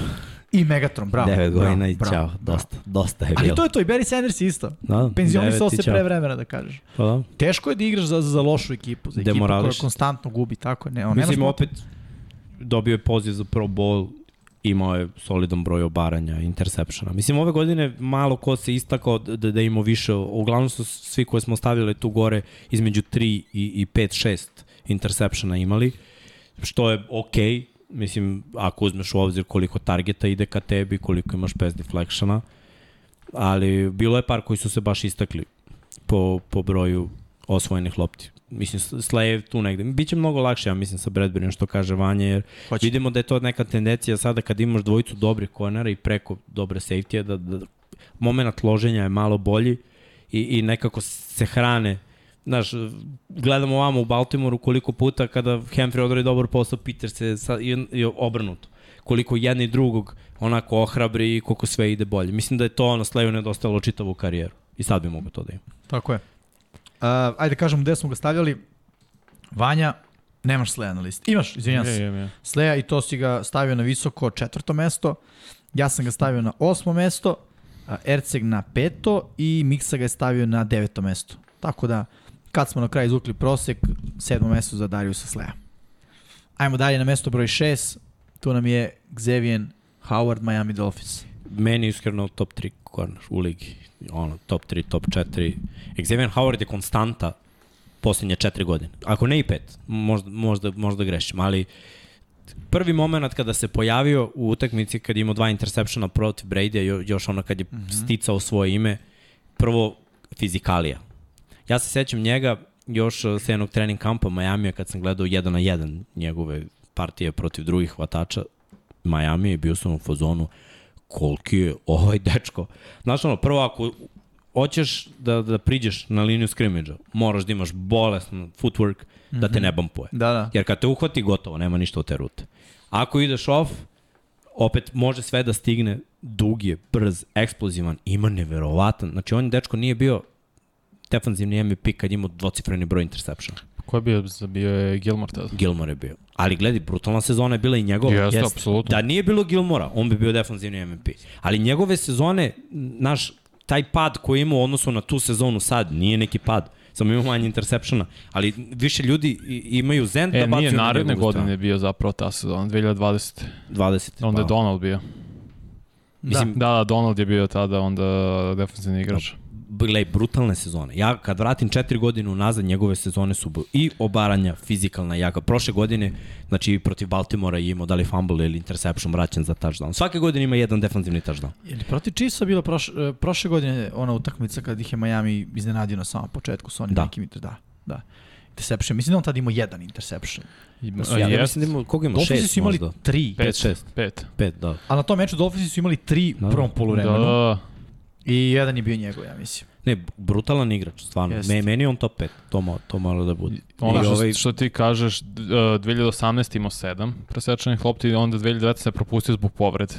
Pa onda poslednje ove dve godine se vratio u tu formu od 2018. zapravo. Da. Da je to bilo ono, to presudno preseko te godine i odatle je krenuo da kida. Da, jer je bilo priče da, da bi on mogu isto da bude tradovan zajedno sa Minkom Fitzpatrickom, Da, da. kada su oni odlučili ono da šalju sve, Da. ali znaš šta, čim su oni njega zadržali, to treba da, da nam svima govori kakav je u stvari ovo igrač, kako je igračina, ono, da, da oko njega sve treba da se gradi. Prošle godine su isto povezali, o Rowe je meni izgrmeo prošle Jest. godine, baš je ono potencijal, jedan od defanzivnih bekova, Da, Holland isto na Da. Holland, da. Tako da, znaš, sad se sve nekako sklopilo da njemu bude lakše. A ova godina, sad kad pogledaš šta su sve doveli, ne znam. A ono, bilo je da. priče pred početak sezone, sećaš se za Howarda? Da, da. Bilo je, da li će ga plate, neće ga plate. Pa gledaj, oni treba, sa, ako uzmeš u obzir šta daje, mm -hmm. Oni treba da traži pare, naročito ako se, znaš, pare rasipaju na sve strane.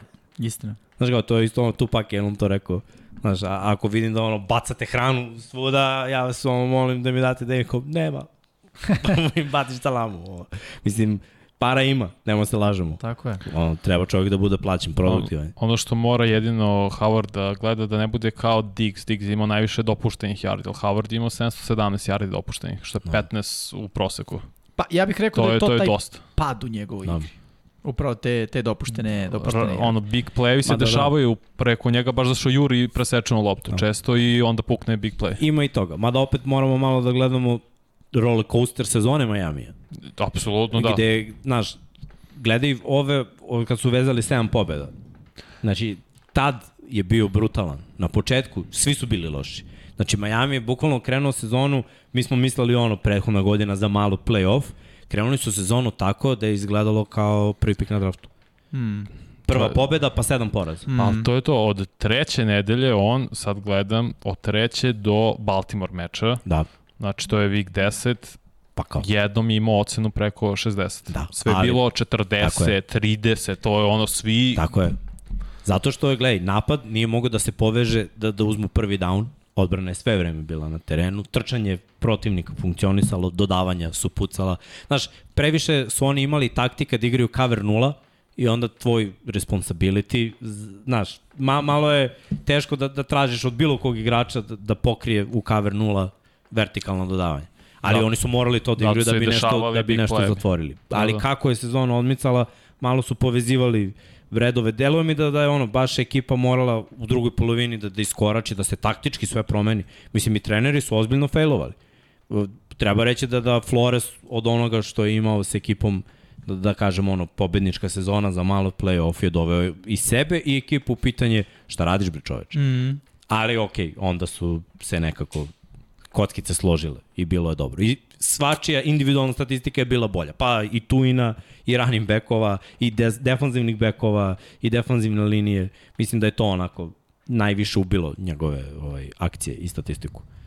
Ali generalno, da, mogu da ga poželim u timu, to Da. sigurno.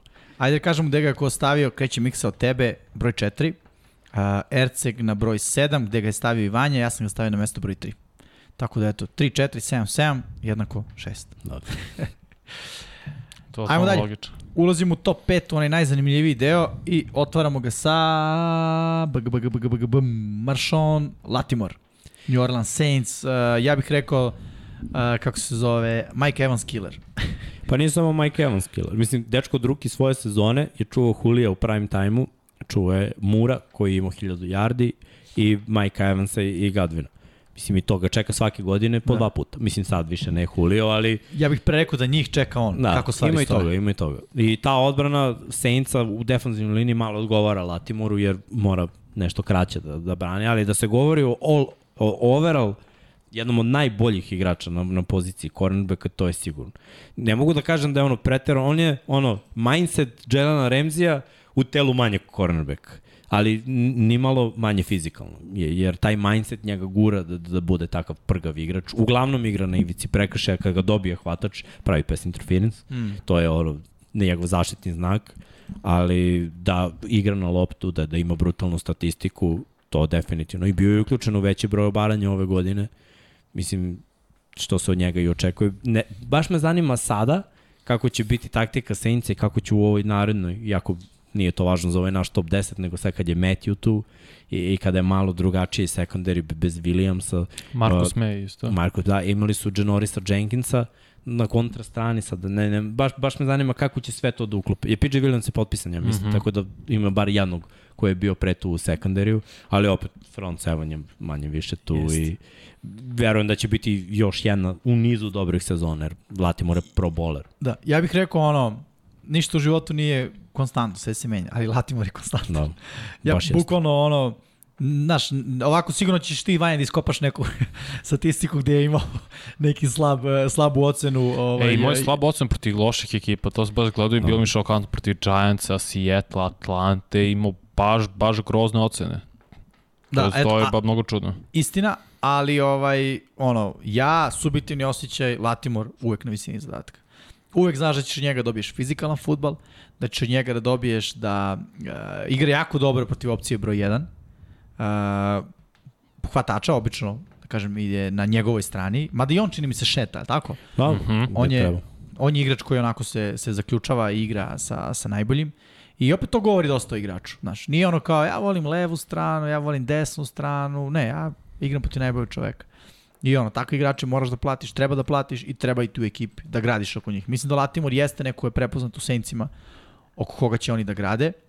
I eto, idemo i u korist taj trend, nije baš ni trend, ali da kažemo trend u nastajanju da ekipe počinju da grade oko cornerbackova. Sve je bitnija ta pozicija. Da.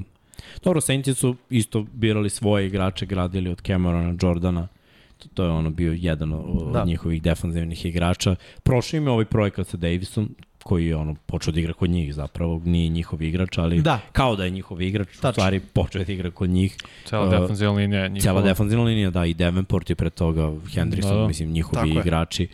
Tako da, odbrana koja je baš lepo i PJ Williams, njihov igrač, Marcus Jest. Williams bio njihov igrač. Sada vidjet ćemo, ovi igrači nisu njihovi, ali su tu s. Tako da, može da bude zanimljivo. Svakako Latimore, po mom mišljenju, zaslužio da bude top 5. Da. I ajde da kažemo gde, ga je, gde, gde smo ga stavljali. Uh, Vanja, Latimor, mesto broj 6. Ja sam ga stavio na mesto broj 4, tu ga je stavio i Erceg, Miksa na mesto broj 6, znači imamo 4, 4, 6, prosek petica.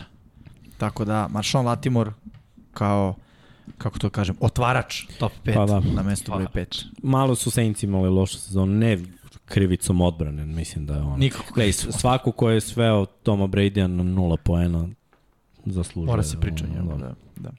Ok, ajmo dalje. U top 5, pravo na mesto broj 4, gde je Jair Alexander. Uh, Vanja je rekao, nije igrao celu sezonu, bio je povređen, Da. da. ali Kad je zaigrao, zaigrao. difference maker. Mislim, trenutno pričamo o najplaćenijem Da. cornerbacku u istoriji NFL-a. A znaš šta je najjače? Što je on mogao da igra ranije, nego je kalkulacija Packersa bila Nek o, odmori. ove sezone, tako je, treba nam za playoff, treba Tako nam je. za kasnije, da ga ne požurimo, pa da eventualno se povredi, kao što su s Bahtijarijem uradili, pa je propustio čitavu sezonu. Mislim da je ovde bila ideja Rasul Douglas, otkrovenje, Campbell. Stokes Da, isto. da, da, ba, baš su pogodili, ne, mislim, gledaj, Amos i Savage, respektabilan tandem safety Respektabilan, jeste. I onda, znaš, sve je bilo solidno, raspored im je lego, njihova divizija se raspala, tako da manje više imali su prvo mesto u diviziji playoff. Onda nema poente forsirati. Ali kad se vratio, videlo se ko je to nivo, naročito u playoffu, ja da tu jednu utakmicu uzimam, nis, nisu oni krivi. Ma nisu specijalni tim. odbrana, odbrana je odradila brutalan posao protiv San Francisco koje sam radio 10 puta prošle sezone kad im je bio dan. A naročito sam očekivao da im bude dan protiv Green Bay-a. Mhm. Ako se vratimo par godina unazad, Unazad, kako su trčali protiv njih, Jeste. koja promena u fizikaliji i, i opet kad uzmeš u obzir i, i hvatače, sve je bilo zatvoreno. Znači nije samo cel, mnogo Garoppolo bilo hladno, nego zatvorili su. Mnogo je dubok i kaže secondary Green Bay, nije otkuda, rekao si Savage, Amos, Stokes, Douglas. Rasul Douglas, svi se vraćaju, Jair naravno, svi, svi se vraćaju. Da, da, brutalno, brutalno, baš. I Jakub si u pravu, igrao je samo pet tekme, opet taj neki subjektivni utisak, kada je zaigrao, znaš, bilo je wow. Ruku na srce za tih četiri tekme u regularnoj sezoni dopustio je svega 133 yarda. Da. To jesu bili New Orleans, Detroit, San Francisco, Pittsburgh, ali opet, to je mnogo malo za četiri meča. Ma šta iza u play-offu ništa, isto. Da, da. Mislim, Mislim- istina, eto, ja sam, ovaj, ja i Mik sam mu stavio na mesto broj 2. Ajde odmah to da kažem. Da je i bio zdrav, stavio bi ga evo top 2 bez Da, ikakvog problema. Ti si ga stavio Vanja na 9, Erceg na 8 mesto. I, I razumem jedno i drugo, ono. Mi smo se, Miksa i ja da kažem, poveli time, ono, šta smo videli. Da, ne, i ne koliko sam vidio, nego šta sam vidio Da. toga dok sam gledao. Tako je. I šta sam video i šta, koje je moje očekivanje da on igra. A opet s druge strane, Erceg i Vanja potpuno na zemlji u smislu, ej, video sam ovoliko. Uh, da. Pritom, u pravu si Vanja, kada pogledaš sve te ekipe, niko nije uh, elitni što se tiče kombinacije kvotrbe hvatači. Pa cele sezone i nisu naletili na elit. Istina. Mislim šta, i protiv Chiefsa kad su igrali, bili su to oni polovni Chiefsi. Jeste. Polovnjaci. Za malo i njih da dobiju. Da. Da, Bilo tačdan razlike. Tako je. I to sa Jordanom Lavom, tako? Da. da. Ludilo. U svakom slučaju, uh, Jair Alexander ili Jair Alexander, Jair, uh, Jair, Jair. da, mesto broj 4 na naših top 10 cornerbackova. Ćemo dalje, top 3. Može. Krem de la krem. Meni ovaj igrač nije top 3. Ni meni ne mogu ostaviti, stvarno. Pa ja ja- sam ga stavio zbog osvojenih lopti, jer to se jako ceni. Jeste. I imao je milion propusta tako je. u toj Milion. sezoni, ali ovako, Dallas je bio bolja odbrana zbog delimično i zbog njega Pravo si. i zbog. Parsonsa Parsons, da. ove godine. To što su osvajali lopte je dovelo njihov napad do, do malo bolje hemije, malo su bili uigrani. Mislim da su napadu davali loptu, gledaj, neke utakmice su dobijane zahvaljujući njemu. Bilo je toga, ono, interception i to je to u utakmici koja se lomi. Bilo je interception ili odbranjeni pas u utakmici koja je jako važna na jedan posjed. I Dallas je bio prvak divizije, ušli su u playoff, gde da kažemo Reality ono, check. reality check, tako je. Nije bilo dobro, na kraju za malo, mogli su nešto nešto da. Krenuli su da igraju u drugom polovremenu zapravo, što je Jeste. bilo što je bilo kasno.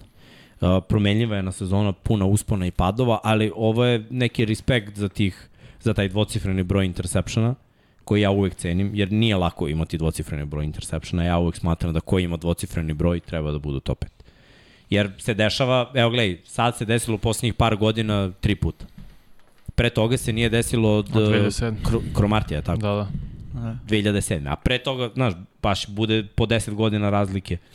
Jeste. I o- ovo sad se naređalo, mislim, Istina. E sad, kako sam ja gledao ono kao za i protiv. E, za, ti si u pravu, kada korner ima takvu sezonu. Sjetimo se, u jednom trenutku on je imao prosek u interception po, po, po, utakmici.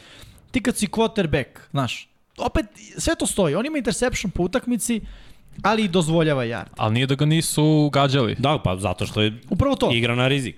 Igra na Pa- rizik, ali ti kao quarterback u određenim situacijama ćeš se odlučiti da, recimo, ako nisi onaj quarterback koji, jako, koji dosta veruje svojoj ruci, odlučit ćeš se da pod pritiskom ipak ne baciš tamo gde je Trevon Diggs, uh, zbog onoga što on može da uradi.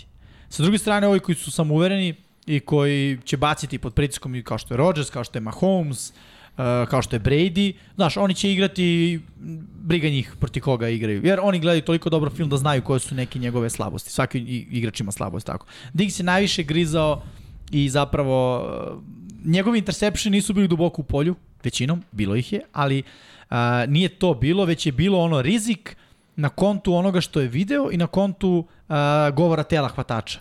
On pretpostavi kad će da usledi break, šta iz te formacije oni rade, šta taj hvatač dobro radi, kako ga radi i onda grize na onome. Čim su počeli da mu daju double move, tu se dešavalo da duboko pukne. Uh, ja dosta cenim interceptione koji se prave u situaciji 1 na 1, jer to znači da si stvarno dobar u pokrivanju. Opet, vraćam se na ovo. Bilo je i Respekt iz, bilo i toga. Respekt iz ovo. Ej, velika je stvar kada si DB koji toliko gleda film, da čitaš govor tela i često budeš, da kažem, pogađaš šta će hvataš da uradi. Da. To je isto Mislim, velika stvar. Znaš šta je još zastrašujuće? Što je sada prostor za napredak ogroman. Jer ako svedeš malo rizik, rizike na minimum, dozvolit ćeš manji broj yardi kompletiranih dodavanja, a opet će ti ostati to. Jer prvo on je igor hvatača, dobro zna kakav govor tela ti na nekim breakovima Istina. kada trčiš određene rute. I mislim sa koje pozicije možeš da istrčiš koju rut, znaš. Tako da, da se svede to nekako, on je dosta interception imao kad čuva spoljašnje hvatača u, u doublesu ili tripsu kad on ne ide na out, mislim, mora da ide na unutra. Da. Gde je on bukvalno uz pritisak koji je sledio defanzivna linija Dallasa, lopta ide brže i on undercutuje. Mm -hmm. Što je ne, nešto što se ceni. Sad, šta ja vidim nekako u njemu? Markusa Petersa koji manje greši, ali koji isto ima tendencije Mislim, dečko koji ima Ko najviše interseptiona od kad je ušao, Marcus Peters. Da, da.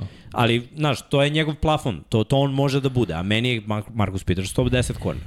E sad, Marcus Peters nikad nije imao dvocifren broj interseptiona kogo O, god bio je igrao. blizu, 7-8 ima. Tako je, ali nije, znaš, nije dvocifren. nije, ali on je bio dobar, imao je i dobro ocen da opet a, protiv ekipa sa lošim hvatačima. To je Washington, to su Giantsi, to, To je je Saintsi, to je to ne Fila. biraš, da. I Fila treće kolo dok nije uigrana bila. Da, da. Protiv ovih osle on je imao 10 mečeva sa ocenom ispod 60.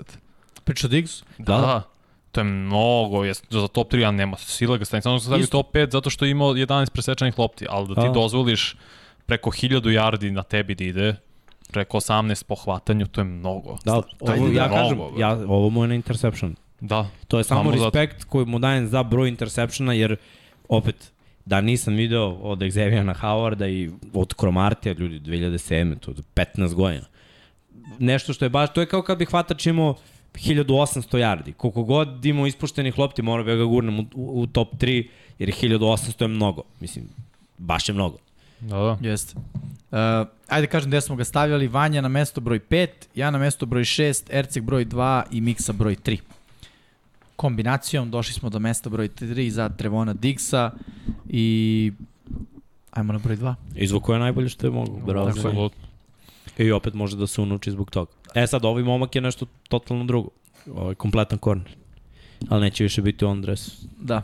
Nemamo sliku u drugom dresu jer ga još nije obukao. Mislim jeste na nekom o, Ali mislim da ne znam da li je na OTA izobao. Nisam ga vidio. Nisam Ja, ga ja, ne. vidio. Ali pošto je nov, tek je došao ove sezone, verovatno je tu. No. Ali u svakom slučaju, ja mnogo cenim. Ja sam počeo ovu listu ako sam prvo napisao broj 1 JC Jackson. Promenio sam kasnije, jer sam bio u fazonu budi realan. Zna se ko je broj 1.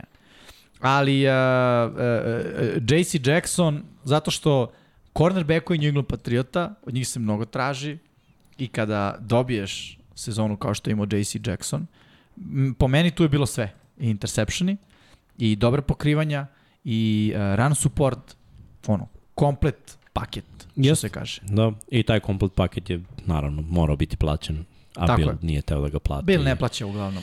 Neko drugi na vanjenu sreću. Da. Ovo sad će plaći. Platili su ga, platili su ga Chargersi, ali odlična sezona za JC Jackson. Da. I realno nakon odlaska Gilmora iz Patriota, bilo je pitanje ono kao čoveče šta rade. Mislim, okej, okay, znaš, kao McCourty pozadi, ovaj uh, Duger, Dagger, Dagger, tako? da. Okej, sve je to dobro, ali kao, ej, daješ najboljeg, ono, trenutno u NFL-u. JC Jackson imao i pre dve godine brutalnu sezonu. Imao je, Uz Gilmorovu. imao je, Mhm. Mislim da je, da je ta sezona bila njegova breakout da Bill vidi, mislim sad ovo što ga je pustio je meni znak pitanja jer nema drugu, JC Jackson imao pre dve, ono, naznake da bi mogao da bude broj 1 corner. da. Ne samo u, u Patriotsima, nego u AFC-u. Da. Ali ovaj, sad, sad je to ve- veći problem, ali dobro, nećemo o tome, pričat ćemo o individualnim zaslugama Jacksona koji u dve sezone veliki broj interceptiona, znači dvo, za dve sezone dvocifreni broj 17. interceptiona, tako je, što je ogroman broj, o, obaranja takođe u dve sezone preko 100, što je ogroman broj, kada, kada pogledaš sve statistike dozvoljene i on opet igra u, to, u tom sistemu koji je dru, malo drugačiji od svih. Patriotsi Jeste. imaju poseban sistem i susreće se sa dobrim hvatačima, mislim, da se ne lažemo. Kad, kad pogledaš i Miami ima talentovani hvatački korpus, imali su i pre nego što su doveli. Terika Hilla, Buffalo, to je ubistveni hvatački korpus, ok, sa Jetsima to ne stigne do hvatača od kvotrbeka, Da. ali imali su malo teži raspored. Ušli su u playoff. Znači, uspeli su uz rebuild sa ruke quarterbackom da uđu u playoff. Meni je to za respekt. Znači, u prethodne godine kad je Cam bio Kube nisu ušli, ove godine jesu. Znači, doprineo je igrački uz tim da se uđe u playoff, imao brutalnu individualnu statistiku. Slažem se. Pass Sav rating respekt. je 47,8. Malo. To je Ludilo. Mislim, da kontekst, uh, 36,3 čini mi se, ili tako nešto, ili približno tome, kad quarterback samo baca u travu. Da, To je spike. Pa, da, kad samo spajko loptu. ma, brutalno. Brutalna sezona. Meni, znaš kako, da nije Jalen Ramsey bio bi broj 1, verovatno. E, tako je. Ja ali, ali sam... Jalen je ušao u playoff. Vanja, i- možeš odmah pokažeš Jalen, Da. pošto odlično Mhm. uvek radimo broj 1 i broj 2. J- Jalen je ušao čitave sezone guro jako i onda je ušao u playoff i u playoffu je guro još jače. Jeste. Uh, nije bilo lako, mislim, gledaj, bio je i nadigran, ne možemo kažemo da nije, ali to su anomalije. Tipa onaj touchdown koji je playoff uhvatio Mike Evans preko njega. Koliko puta smo to videli ove sezone? Šta uglavnom vidimo? Znači, u njegovoj uh, diviziji doselio se DeAndre Hopkins. DeAndre Hopkins koji je ono, hvata sve što baciš blizu njega, protiv Jelena Ramsey imao je ono, slabu statistiku. Šta više, bio je nadigran više puta da, da ono, ima ispod 50 yardi, oko 50 yardi. Znači da ga je zatvorio u potpunosti. Jedini igrač koji ga je dob, dobio u duelima prošle godine je bio Devonta Devonta Adams, Adams, da. ali Green Bay to tako namazano radi da on, nika, on ima free release. Da, da. I onda najjača oružje Jelena Ramsey zapravo nije njegovo najjače oružje. Ali ove godine kroz playoff, znači od prve utakmice da su očepili Arizonu, do druge utakmice, gde opet moramo da uzmemo obzir malo te izgubljene lopte, fumble Cooper Cupa, ovog Akersa, to, to, oni su mogli da reše utakmicu isto u prvom polovremenu. Na kraju, eto, napravio jednu glupost i primio taj touchdown. Dolazimo do, do finala konferencije, gde, mislim, realno dobro odigrana utakmica s njegove strane. Nije bilo uspeo je i tu i u Superbolu da zatvori nekakvu svoju hvatačku opciju. I baš sam se pitao da li će Jamara Chase u Superbolu ili će na Higginsa, pošto je on viši, duži, mm -hmm. pa, pa me to bilo onako znak pitanja veliki. Ali kako god da okreneš, odradio je svoj posao. Jeste. Do, dobro je odigrao, zaslužio je prsten, doveden je da uzme prsten. Tako je. Igrao je uh, i u Jacksonville u finale konferencije, i u Ramsima. pa sada do Superbola i opet kada govorimo o nekom faktoru, prvo, sjajan je obarač, Tako. udarač. Na liniji skrimidža opasan bumper, jako brzo se vrati kada ispadne na ruti u coverage ima neverovatan osjećaj gde se nalazi lopta, gde hvatač može da skrene i na sve to ima taj tu neku ludačku energiju kako, kako vodi ekipu. I to to moramo da raču. JC Jackson radi sve kako treba, ali onako tihi vodi. Tih, da, da. Jalen Ramsey je sve osim tihog vodi. Slažem se. I uh, ajde napravim komparaciju jednog i drugog, ono u smislu. Jalen Ramsey, bolja fizikalija, odnosno JC Jacksona. Bono, priroda je na njegovoj strani, Jest. onako dugačke ruke. 6-2, sa rasponom ruku 6-3. Bukvalno, više. Sam sebe može da, da obgrli kada stoji, kako ga to zvučalo. Kao, brate, upali mi svetlu u kupatir. Klik. Strbi me peta, stojeći. Tap, tap. uh, težina je tu, obaranje je tu, jako dobar obarač, što cornerbackovi uglavnom nisu. Pa kad nemaju 100 kila, kad imamo 100 Istina. kila, lakše Pritom naš ugao, kak, uh, njihov ugao kada trkači obično idu na njih, ide uglavnom na ruku trkača. Ono, ide direkt na njega, ti si ono pod uglom, ali ok, kada usavršiš tu tehniku kao što je Jalen Ramsey, ti si fantastičan. Uh, sve ono što si rekao, man to man, i tu su mi, to je jedina kategorija, su mi JC Jackson i Ramsey jako, jako blizu. I ono, možda je čak i JC Jackson bio bolji u 1 na 1, ali ne za mnogo. Pričamo ono, za dlaku. I ovaj, uh, ali ukupno kada napravimo tu neku komparaciju između broja 1 i broja 2, odnosno Ramsey i JC Jacksona, mislim da više stvari ide na stranu da. Jelena Ramsey i ona mi svima bio broj 1, odmah da kažem.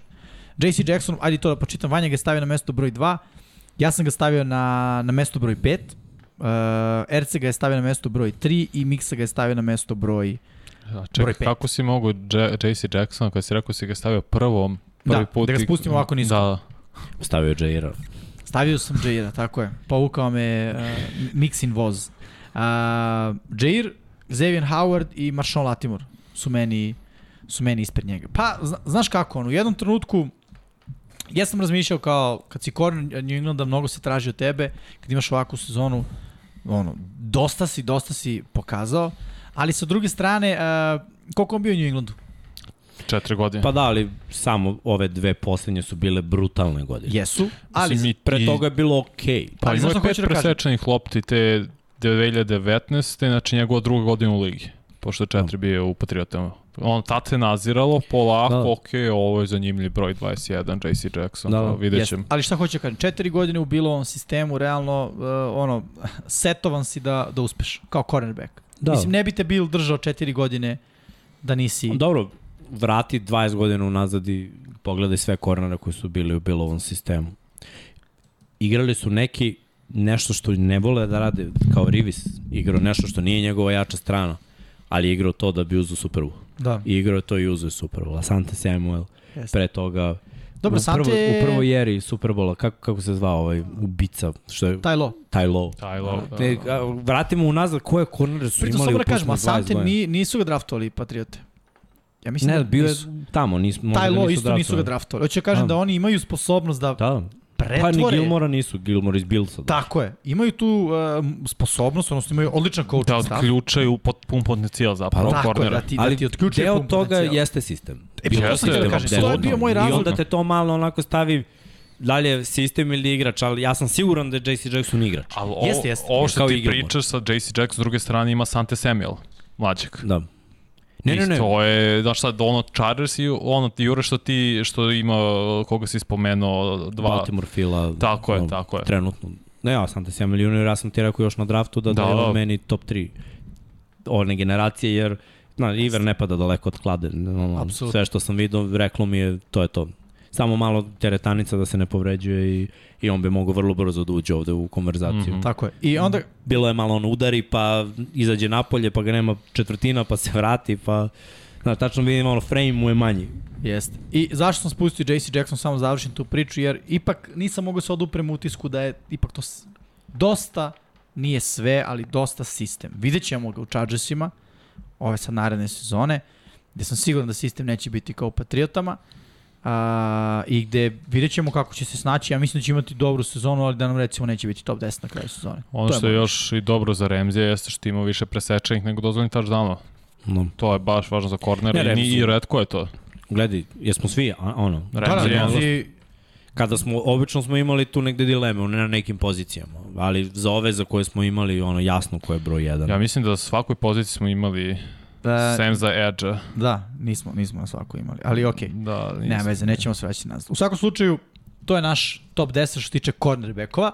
Nastavljamo sa top 10, eh, pošto pričamo o defensivnim bekovima, ali hajde samo da protrčimo kroz uh, celu listu Mhm. i nakon toga da vidimo takođe kako je ko, kako je ko glasao. Pojedinačno, uh, prema našem konsenzusu, broj 10 Denzel Ward, broj 9 Kenny Moore, 8 AJ Ter Terrell, uh, 7 Darius Slay, 6 Xavier Howard, 5 Marshawn Latimore, 4 Jair Alexander, 3 Trevon Diggs, 2 JC Jackson i broj 1 Jalen Ramsey, kralj cornerbackova. Da, da. Ili imamo Vanja kako je ko glasao? Mhm. Pojedinačno, ajde da vidimo. Samo ćemo nova imena da kažem da spomenemo ko je bio tu. Pa mislim, Što se Ersega tiče, on, kod njega su svi sa liste, samo drugačije raspoređeni. tako je. A, što se tiče mene, tu je Kendall Fuller.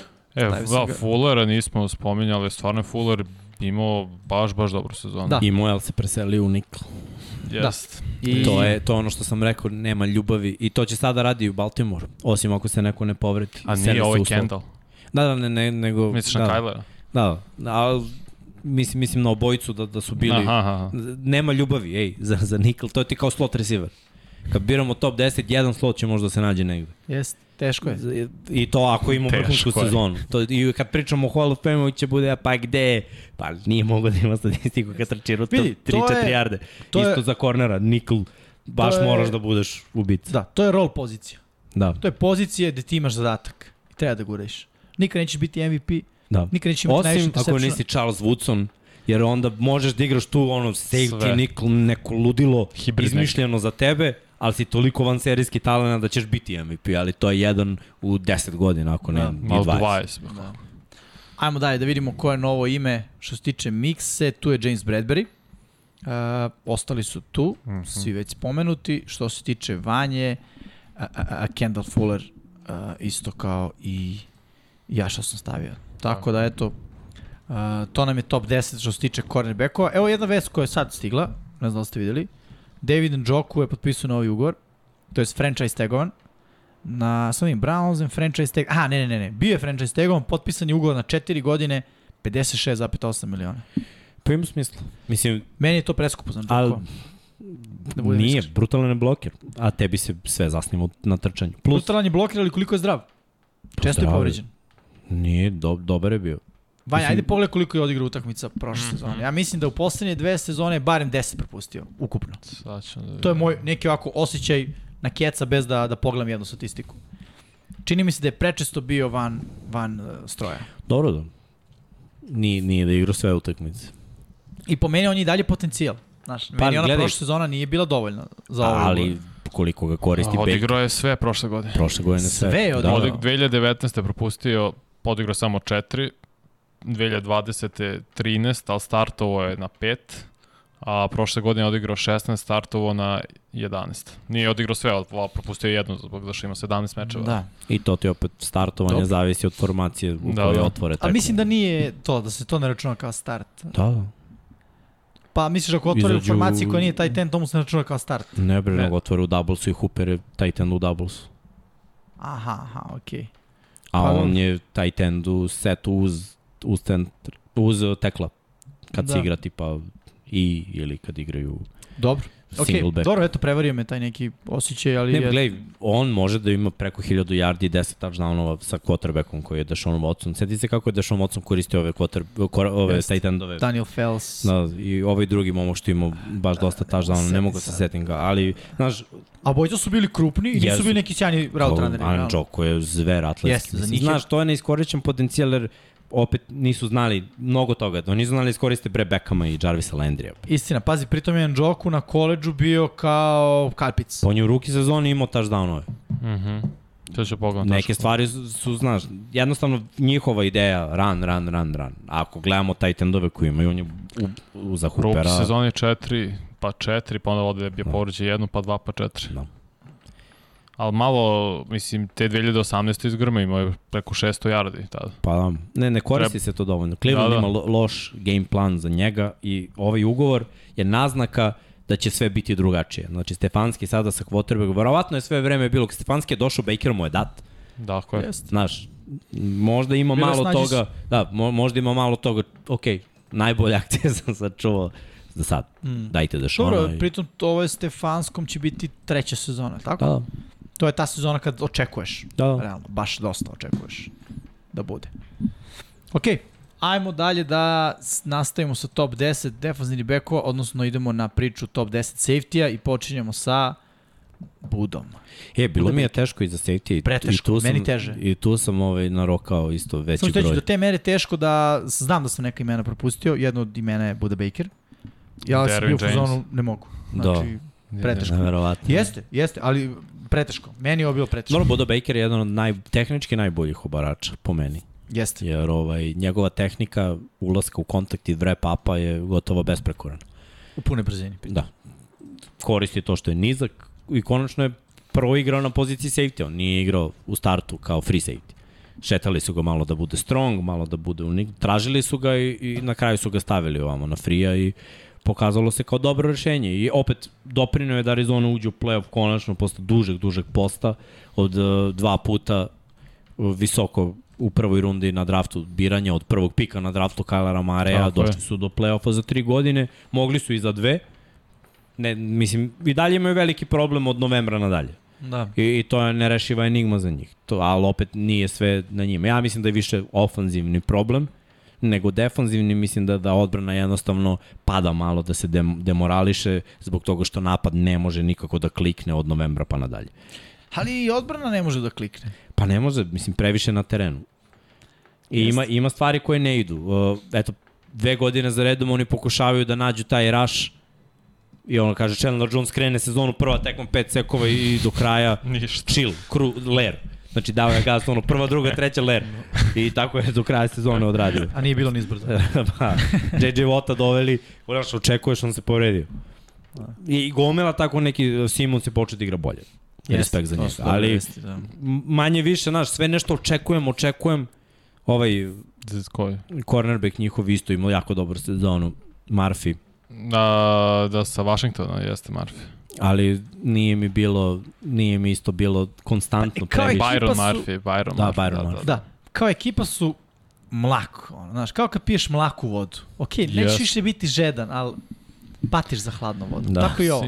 Ovo što ti kažeš, Buda Baker stvarno bio kompletan safety, imao i sekund, imao Jest. tri seka i dve presečene, bio baš dobar u coverage, čim je coverage Da. oko 78,6 dozvoljeno. Baš je kompletno, ali mislim da Cardinals i general očekuju da Xavier Collins i Simons po, toliko podignu nivu igre da oni budu predvodnici odbrane na poziciji dvojice unutrašnjih linebackera. Da oni Da. zatvore tu celu sredinu, pošto su obojica 6-3, 6-4, ogromni, brzi, da to bude zapravo njihova formula za odbranu. Da, ono što ne ide Arizoni na ruku jeste da oni moraju da postanu fizikalna ekipa, u fizikalnoj diviziji, a nisu fizikalna ekipa. Mm. I ne, ne mogu da pronađu taj mentalitet i mislim da ga neće ni naći ni sledeće godine. Jer nekako mi sve kreće od linije skrimidža da su tanki, jako tanki i pogledaš ono, Rams i 49 će ih prebiti, ono, mogu oni da dobiju njih. Na finesu, na, na ono neka dodavanja bunarenja. Ali kada, kada krene futbol da se igra onako mm. -hmm. tvrdo, u ono, to je taj, kad se bliži playoff, polovina To novembra, je baš decembra. to ono što oni očekuju od ove dvojice mladih linebackera i Da. Buda Baker i Murphy da donesu tu fizikalnu igru, ali ne počinje se zapravo odatle. Da, Već od defensivne linije koja je, što ti kažeš, tanka. Da, i sad još tanja. Da, da. Mada ok, vidjet ćemo. Mislim, desile su se neke promene. Tako je. Ajde da kažem gde smo ga stavljali. Vanja, mesto broj 11. Ja ga nisam stavio do 12. mesta, ako da je kažemo 13 u najboljem slučaju.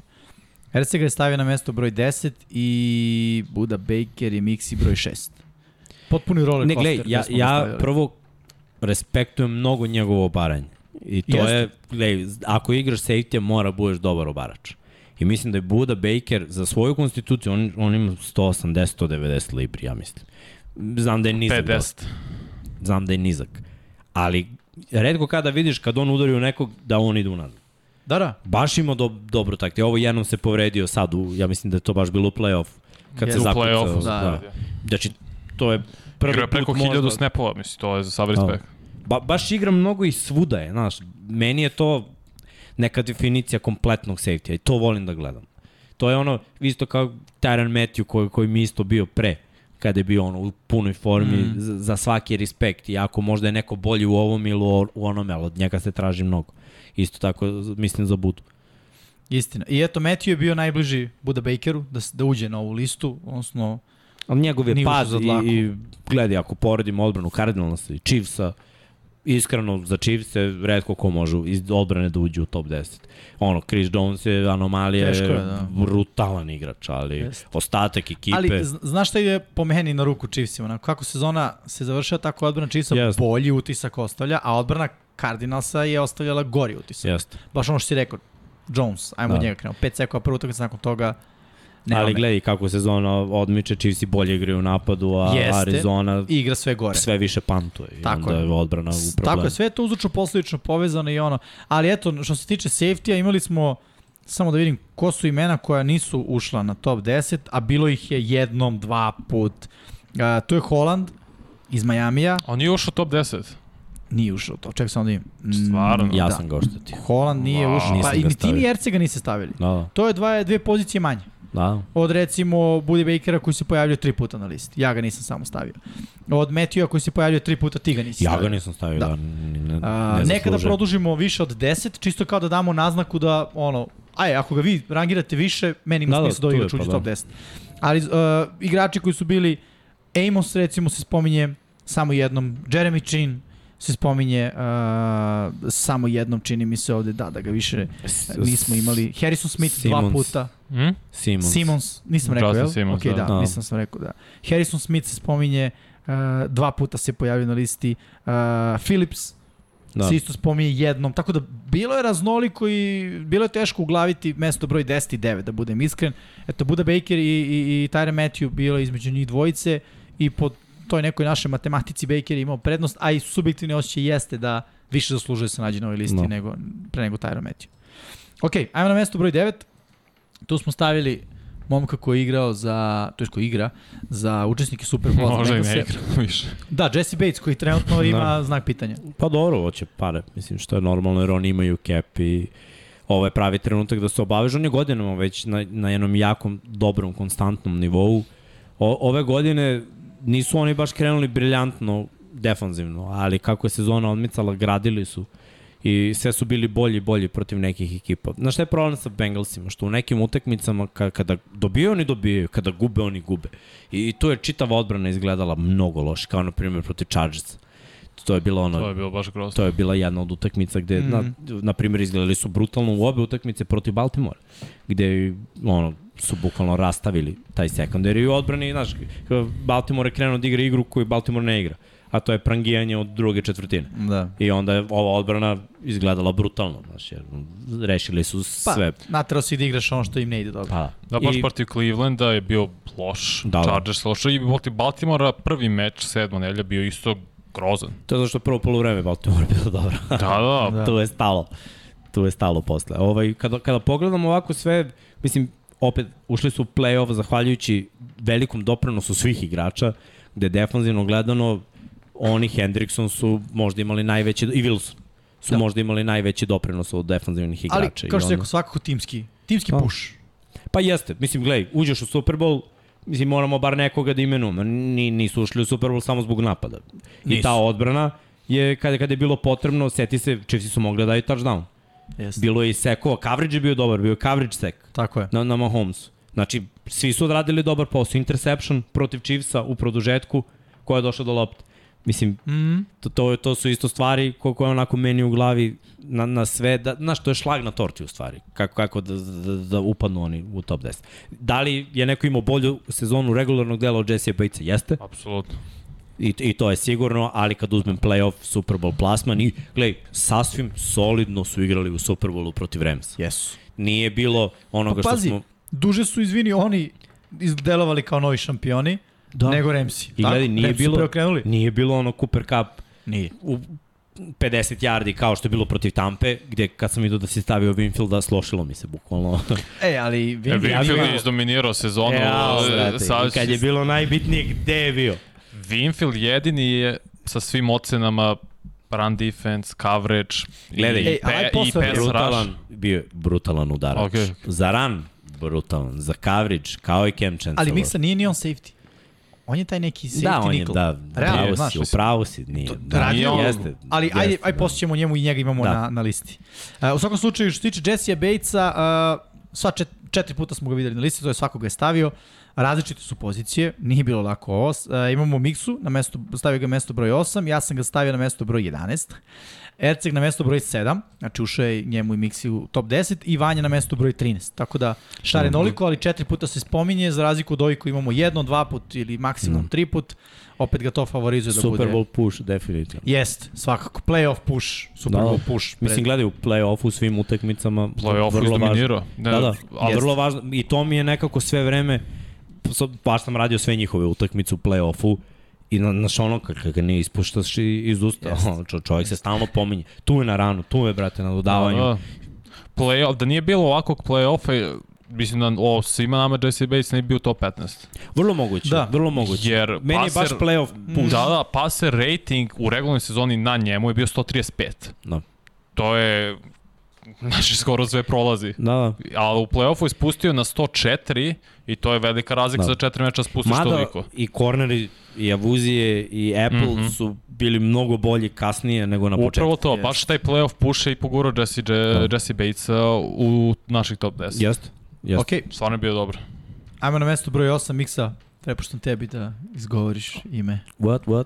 What, what? A, Marcus Williams. Da. Pa dobro, mislim, sada kad smo pričali o slobodnim agentima na poziciji safety-a, broj 1 je bio Quandre Diggs, mm -hmm. koji odmah, Seattle ga je odmah zaključao. Parisu. A broj 2 tu su. je Williams. Jeste. Williams koji je doneo totalno nešto novo u Baltimoru koji ono čami sa safety Mislim probali su sa Earlom Thomasom, ali realno Deda Rida Dobili su... je, je, je veliki Prst. problem, pa da.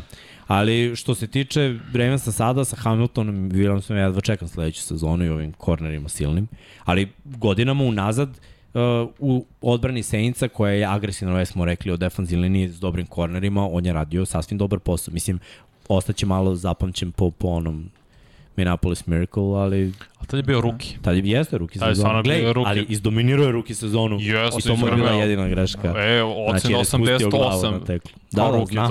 Sve znam. Sećam se tad direktno prenosa, ono, dečko bukvalno je gur celu sezonu i taj playoff i eto, jedna greška. Ali... Ali, je bio passer rating u ruki sezoni? 19. no, Nevjerovatno. nauč. Opasan igrač, stvarno opasan Jest. igrač. Uh, mislim da Saintsi su potonuli prošle godine i ono što smo već rekli, njihov napad Povukli i su njega to. sa sobom, mislim. Tako je. E, morao je da bude mnogo bolji on individualni, bilo je utakmica gde, znaš, ni ta odbrana nije mogla da vadi. Istina. Nažalost, mislim. Istina. I zato su svi onako pali sa akcijama. Ostali su nam samo ovi što su kandidati za All Pro. Tako je, ali onako prilično dobro smo ga pozicionirali. Erce ga je stavio na mesto broj 6, to je najveća pozicija, nakon toga ja mesto broj 7, uh, Vanja mesto broj 8 i ti mesto broj 9. Da. Tako da 6, 7, 8, 9. Pa meni je taj utisak Saintsa bio baš bez veze prošle godine, znaš. Bilo je utakmica koje koje su, sam, sam gledao i, ali opet, znaš, gledao sam, radio sam utakmicu gde Ian Book bio quarterback. Radio sam utakmice sa Simijanom. Jeste. Toliko mu, Tyson Hill takođe. Da. Da. Gde ono, znaš, gledam prvi dan, drugi dan, trčanje ne ide, mm. ofenzivna linija je bila ranjena, bez dva tekla su igrali, kamera, pokušavaš da, da ga nekako pokreneš, a ne ide, i onda ta, ta, ta, odbrana. Ta, ta, ta, odbrana. I to da odbrana korektno, ali poklekne, mislim. Tako je. Ne I ti da očekuješ od te odbrane. Gledaj, njihov skor na kraju i oni imali su taj neki playoff push za malo da, Da. da. prođe. Za sav respekt. Su imali više pobjeda nego porazi, to je isto bitno glasiti. Da. Plus Marcus Ines igrao preko 1000 snapova. Pa gledaj, od početka njegove karijere može da se... Stvarno su sklopili. Mislim, za Saints je ovo bio gubitak, ali uh, ovakav igrač košta. I onda su se odlučili na nešto jeftinije I varijante. to samo zato što Marcus me i dolazi s povredom. Pokida Ahila u tetivu. Pa i Matthew dolazi iz jedne sezone koja, koja nije bila baš neka, Tako plus je on dobio verovatno popust on, Louisiana. Louisiane, pa da.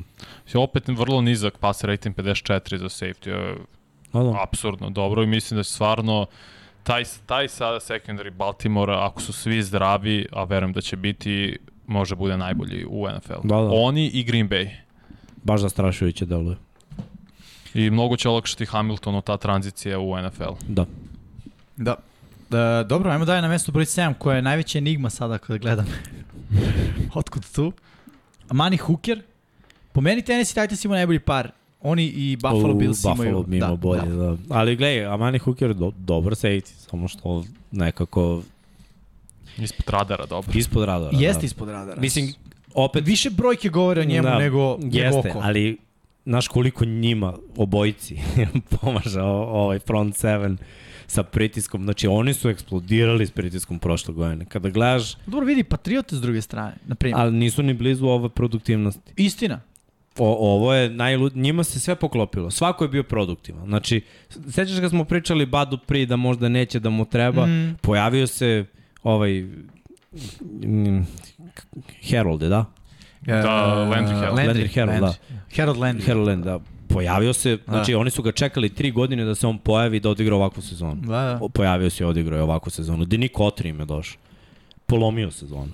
Simons, izdominirao sezonu. Izdominirao. Jest. Oni, znaš, toliki pritisak koji dolazi iz njihove formacije, plus imaju solidne linebackere iza. Ja sam mislio da će njihova odbrana da se raspadne jer je secondary krenuo da slabi, ali taj Jeste. pritisak je takav od njihova divizija. Houston, Jacksonville, četiri tekme i Colts s Carsonom Wentzom. Da. Oni su ono se prošetali kroz diviziju. Manje više izgubili su neke utakmice, ali glej, dobili su kolce dva puta, koji su kao najozbiljnija ekipa tu. Sve zbog pritiska. I onda je, mislim, malo lakše da se igra u sekundariju. Kad imaš ispred sebe Nije takvu da si ima liniju. sad neke kornere, mislim i Caleb Farley je ruki bio bio i povređen solidno, Christian Fulton isto vrlo Jeste, mlad korner, jeste, druga godina, dali su, čini mi oni su imali bolje, dali su.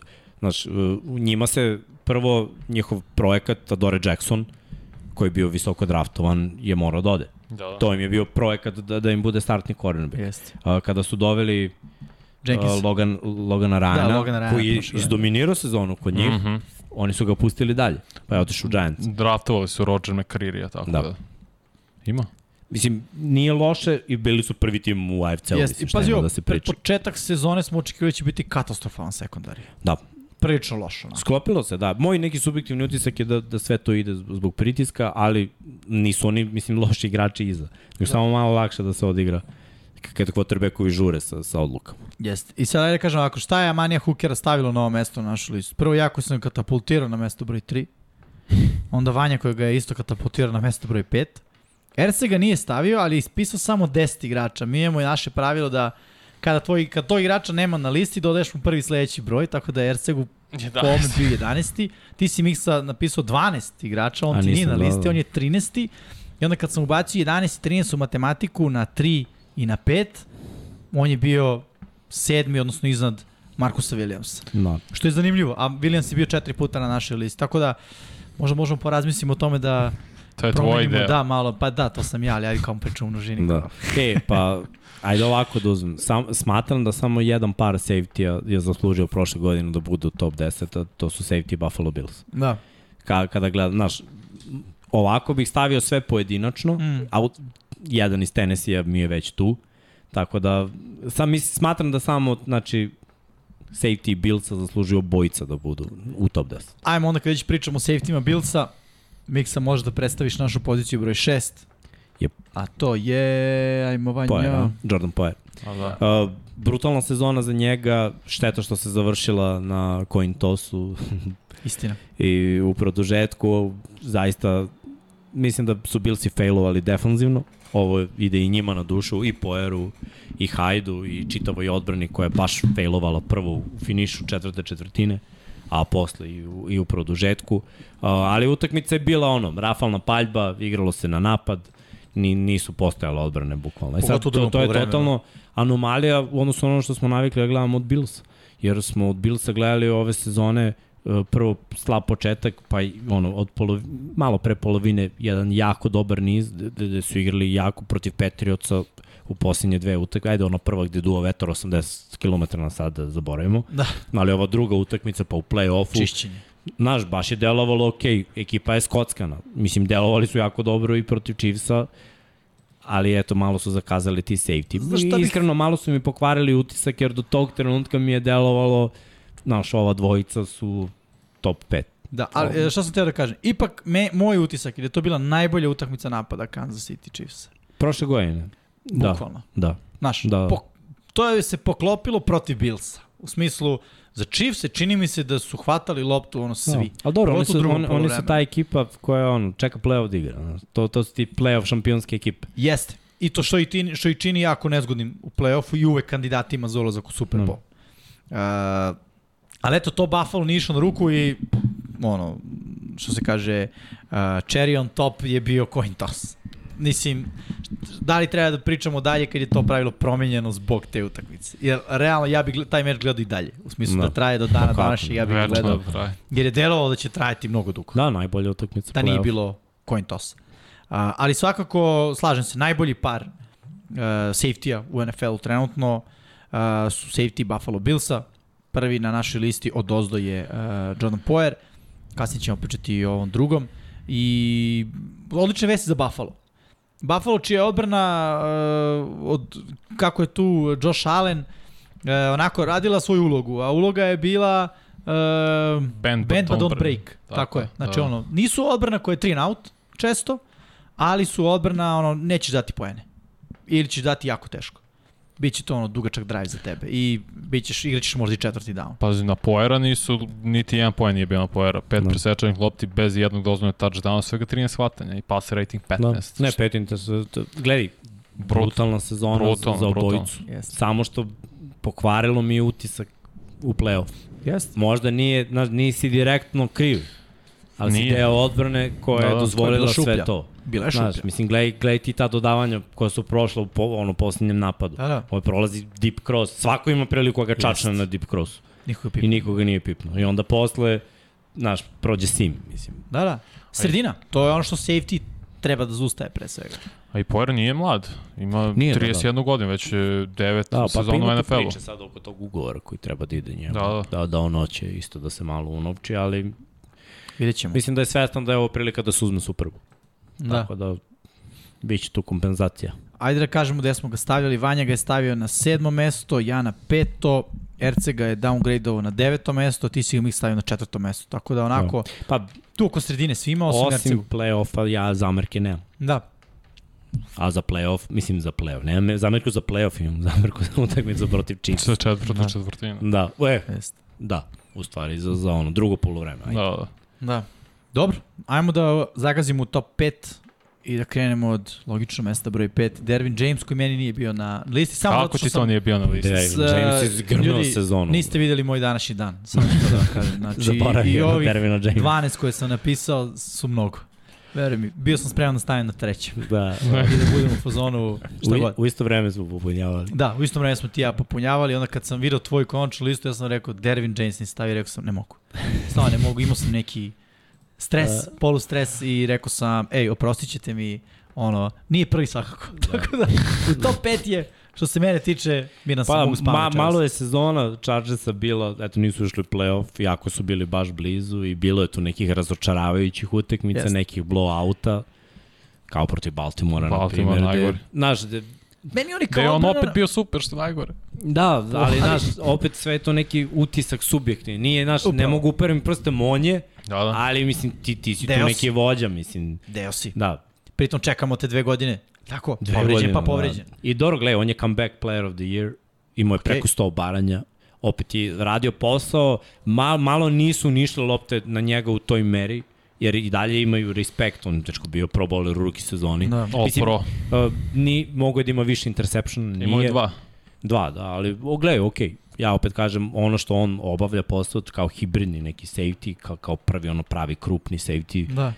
i kao run stopper i, i uvek je negde tu, kao čuvar taj tendova, to je ono pretežno za šta žele da ga To je baš koriste. ono, pro drugi meč protiv Chiefsa, što samo ponavljam, kad je on izašao iz igre povredom, tad je Kelsey proigrao i tad su dobili.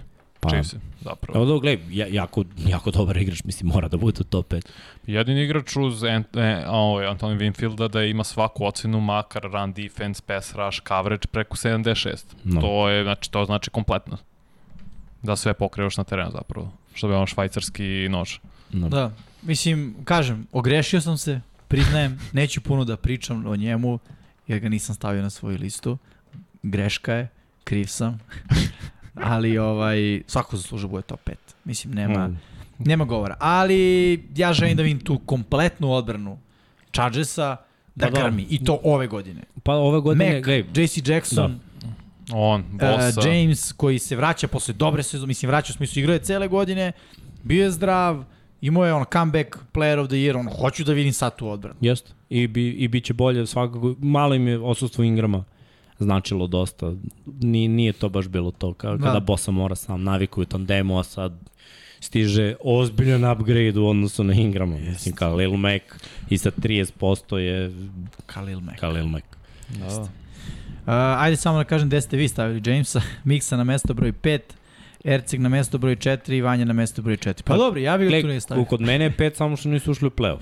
Da. To mi je ono pokvarilo sezonu, jer opet gledaj ti te poslednje akcije Raidersa, mislim, ta, taj poslednji meč. Tu mi je odbrana, naj, mislim, napada, ne pričam onim četvrtim za, za koliko hoćeš. Hmm. Ali odbrana je imala nekoliko, gledaj, dva trčanja su prošla, jedno za 20 yardi, pa drugo posle za prvi down. Tu je nešto gde ja očekujem Dervina Jamesa, ono, dupuca i reši. Da. Mislim, ne samo njega, čitavu odbranu koja je failovala. No. A ne, uvek, uvek ću pamtiti onaj udarac nad Antonio Branu kad je bio fazno do 30 yardi, hvatio ga toliko jako udari izbacio i imao, imao vremena obe noge da spusti na zemlju.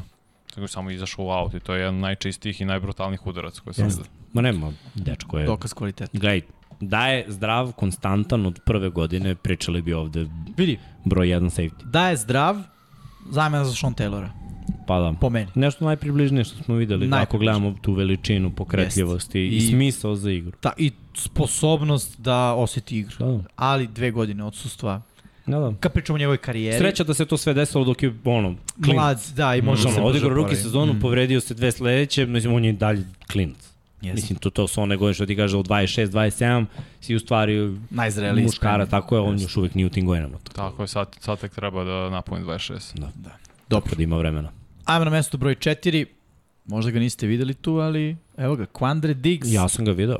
Quandre Diggs je meni izgrmeo prošlu godinu. Znaš kako, on je toliko dobro igrao da pored debakla Sijetla za, zaslužuje Video da... Jer Da. prvo nisu imali D-line, sve je pucalo kroz defanzivnu liniju na Bobija Wagnera koji je isto usporio dosta Pa, po ocenama. ide to bio sa je tu, tako je.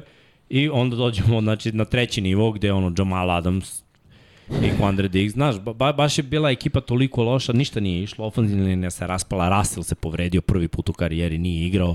Oba running backa nisu igrala, tražili su ponovo nekog novog trkača, pokušavali, kopali, bunarili, čitav tim je bio onako u rasulu, ali jedna stvar nije bila i, i to je Quandre Diggs. I samo to što, što je ono ove sezone bio slobodan agent i što je bilo tipa 20 ekipa koje bi ga potpisali da Seattle nije rekao ne može, govori o tome da, da je on top 30. Pazi koliko je on bio dobar, da smo mi totalno zanemarili Jamal Adamsa da ga stavimo na listu. Vidi, nije ni zaslužio Adams. Ne, ne, Kad nije. te lopta a- pogodi u face mask na 10 yardi, stvarno ne možeš da budeš u top 10. Mislim, vidi, ja to stvarno ne mogu da oprostim. On, Da, gledaj, Da, kao, u važno. Zato što od njega, znaš, šta je, da li je rusher, da li je spoljašnji linebacker, da, je, da li je strong safety, sad se već kupi onako On ti je bolja malo. verzija Jabril Peppersa. a Ovo Peppers je ono što bi mogao, to je stavljam se ono što bi mogao Peppers da, bude. Ne znam i dalje Ali gledaj, kad je Adams verzija. došao u Seattle imao 10 seko. Jeste. Zato Da, što su mu pronašli tu, tu ulogu. Znaš, neku, znam, neku ulogu ali- Majke Parsonsa. Da. To je nešto igrao. Ali ne možeš da mu da zasnivaš igru da ti je Ne ta možeš, uloga tako je. Ne može, safety. sve stoji. Najbolji igra u Jetsima, zapravo. Jeste. Kao strong. Tu je ličan Da, da. safety. Kao strong safety, gde mu je prvi responsibility bio ono, run stop. Da, da se vratim na Diggsu koji je igrao preko 1200 snapova što je absurdno i za pogotovo zašto nisu imali playoff, znači igrao svaki meč, bi imao je pet presečenih lopti, ma, samo dva dozvoljena touchdowna i to je ono jedina svetla tačka u odbrani, ok, Wagner da, ali Obeljo je bio najbolji igrač u odbrani Seattle. No. Gledaj ova statistika u bilo kom drugom timu i može da se priča, ali, ali stvarno kada gledam toliki je respekt bio, ja sam se baš nadao da možemo njega pre Markusa, na primjer, da dovedemo, jer Da. mislim da je on trenutno, ono, Dobro, ako se Markus priča je- o igri na osjećaj, Mhm. da je, da je jedan od najboljih safety koji igraju na osjećaj trenutno u NFL-u. I, I to je neki moj subjektivni utisak. Iako govorim nekoliko puta o tome da mi sezona ekipe onako ubija akcije, njegova igra je toliko ono lepa za oko da sam morao da ga malo podignem gore. Jeste, ali dobro, znaš šta je razlika? Ja mislim da ste vi bolje prošli zato što je Marcus Ines mnogo mlađi od Diggsa. Dobro pa da. Quadri Diggs je, ima Iz 29. Detroita pa... ovo. Da, je, da, Detroit ga je draftovao. Detroit, kakve, kakve igrače ima Detroit. Da. Mislim, on je dobro igrao po meni i u Jest, Detroitu, ja sam pa motivio jest. baš i moje... Mislim, on je i hiter, on je dobar udarač. On je, Da, da. ali nizaki, on je Da. 5'9, on je baš niže od Buda Bakera, na No. primjer. Ali gledaj kako igra s tim osjećajem, sa tom Mm, visinom, to, to je meni impozantno. A, dobro, Gde smo ajde ga? kažemo gde smo ga stavljali. Ajde samo da se ovo okrene. Kvandre, Diggs, uh, Vanja na mesto broj 6, ja na mesto broj 6, Erceg na mesto broj 5 i Mikser na mesto broj 2. Da, da. Najveće pozicije, toga je dosta lansiralo i eto, od 6-6-5-2 prosek je četvorka. Tako je rekla matematika. A, dobro. Pucaj. Idemo na mesto broj 3. Spomenuli smo ga. Antoine Winfield, Winfield Jr. Tampa Bay Buccaneers. E sad, Sa najbrutalnijim front 7 i ne bio. ali s dobrim dobro, okej, Ne, gledaj, Ali mnogo loš secondary pored njega. Jeste, Pakleno loš sekundar. jeste, Stvarno ali jeste. opet on Katastrofa. On je jedina svetla tačka u tom jeste i sekundaru. Da, da. role player. Znaš, ima ulogu koju radi jako dobro, ja bih rekao. A, Im, kao ja run sam, stopper, jeste. Ali I- Vanja, pogledaj na Pro Football Focusu. Pogledao sam i taj Pro Football Focus i ovaj, mu je situacija što se tiče pas igre? pa opet Coverage je 87 ocena. dobro. Ej, Dve tekme protiv Saintsa, dve tekme protiv Atlante, Pa, dve dobro. tekme protiv Caroline. rating mu 63,9. Ne, jasno ti si upravo, ali on je ultra mlad. 24 Jeste. godine. druga Jeste, sezona. Da, da. Jeste, ali kad, ne znam, kad je bilo najbitnije, pa kao, mislim, Jeste. Ramsi su se baš šetali kako su hteli. Istina. Istina. Sa sve to, gledaj, oni imaju par možda najboljih linebackera, je tako, vidimo ih u top 10. Da, da. Kada pogledamo D-line, i tu Ali- ima nekoliko igrača ko, koji mogu, imaju potencijal da budu top 10 i kad nisu top 10.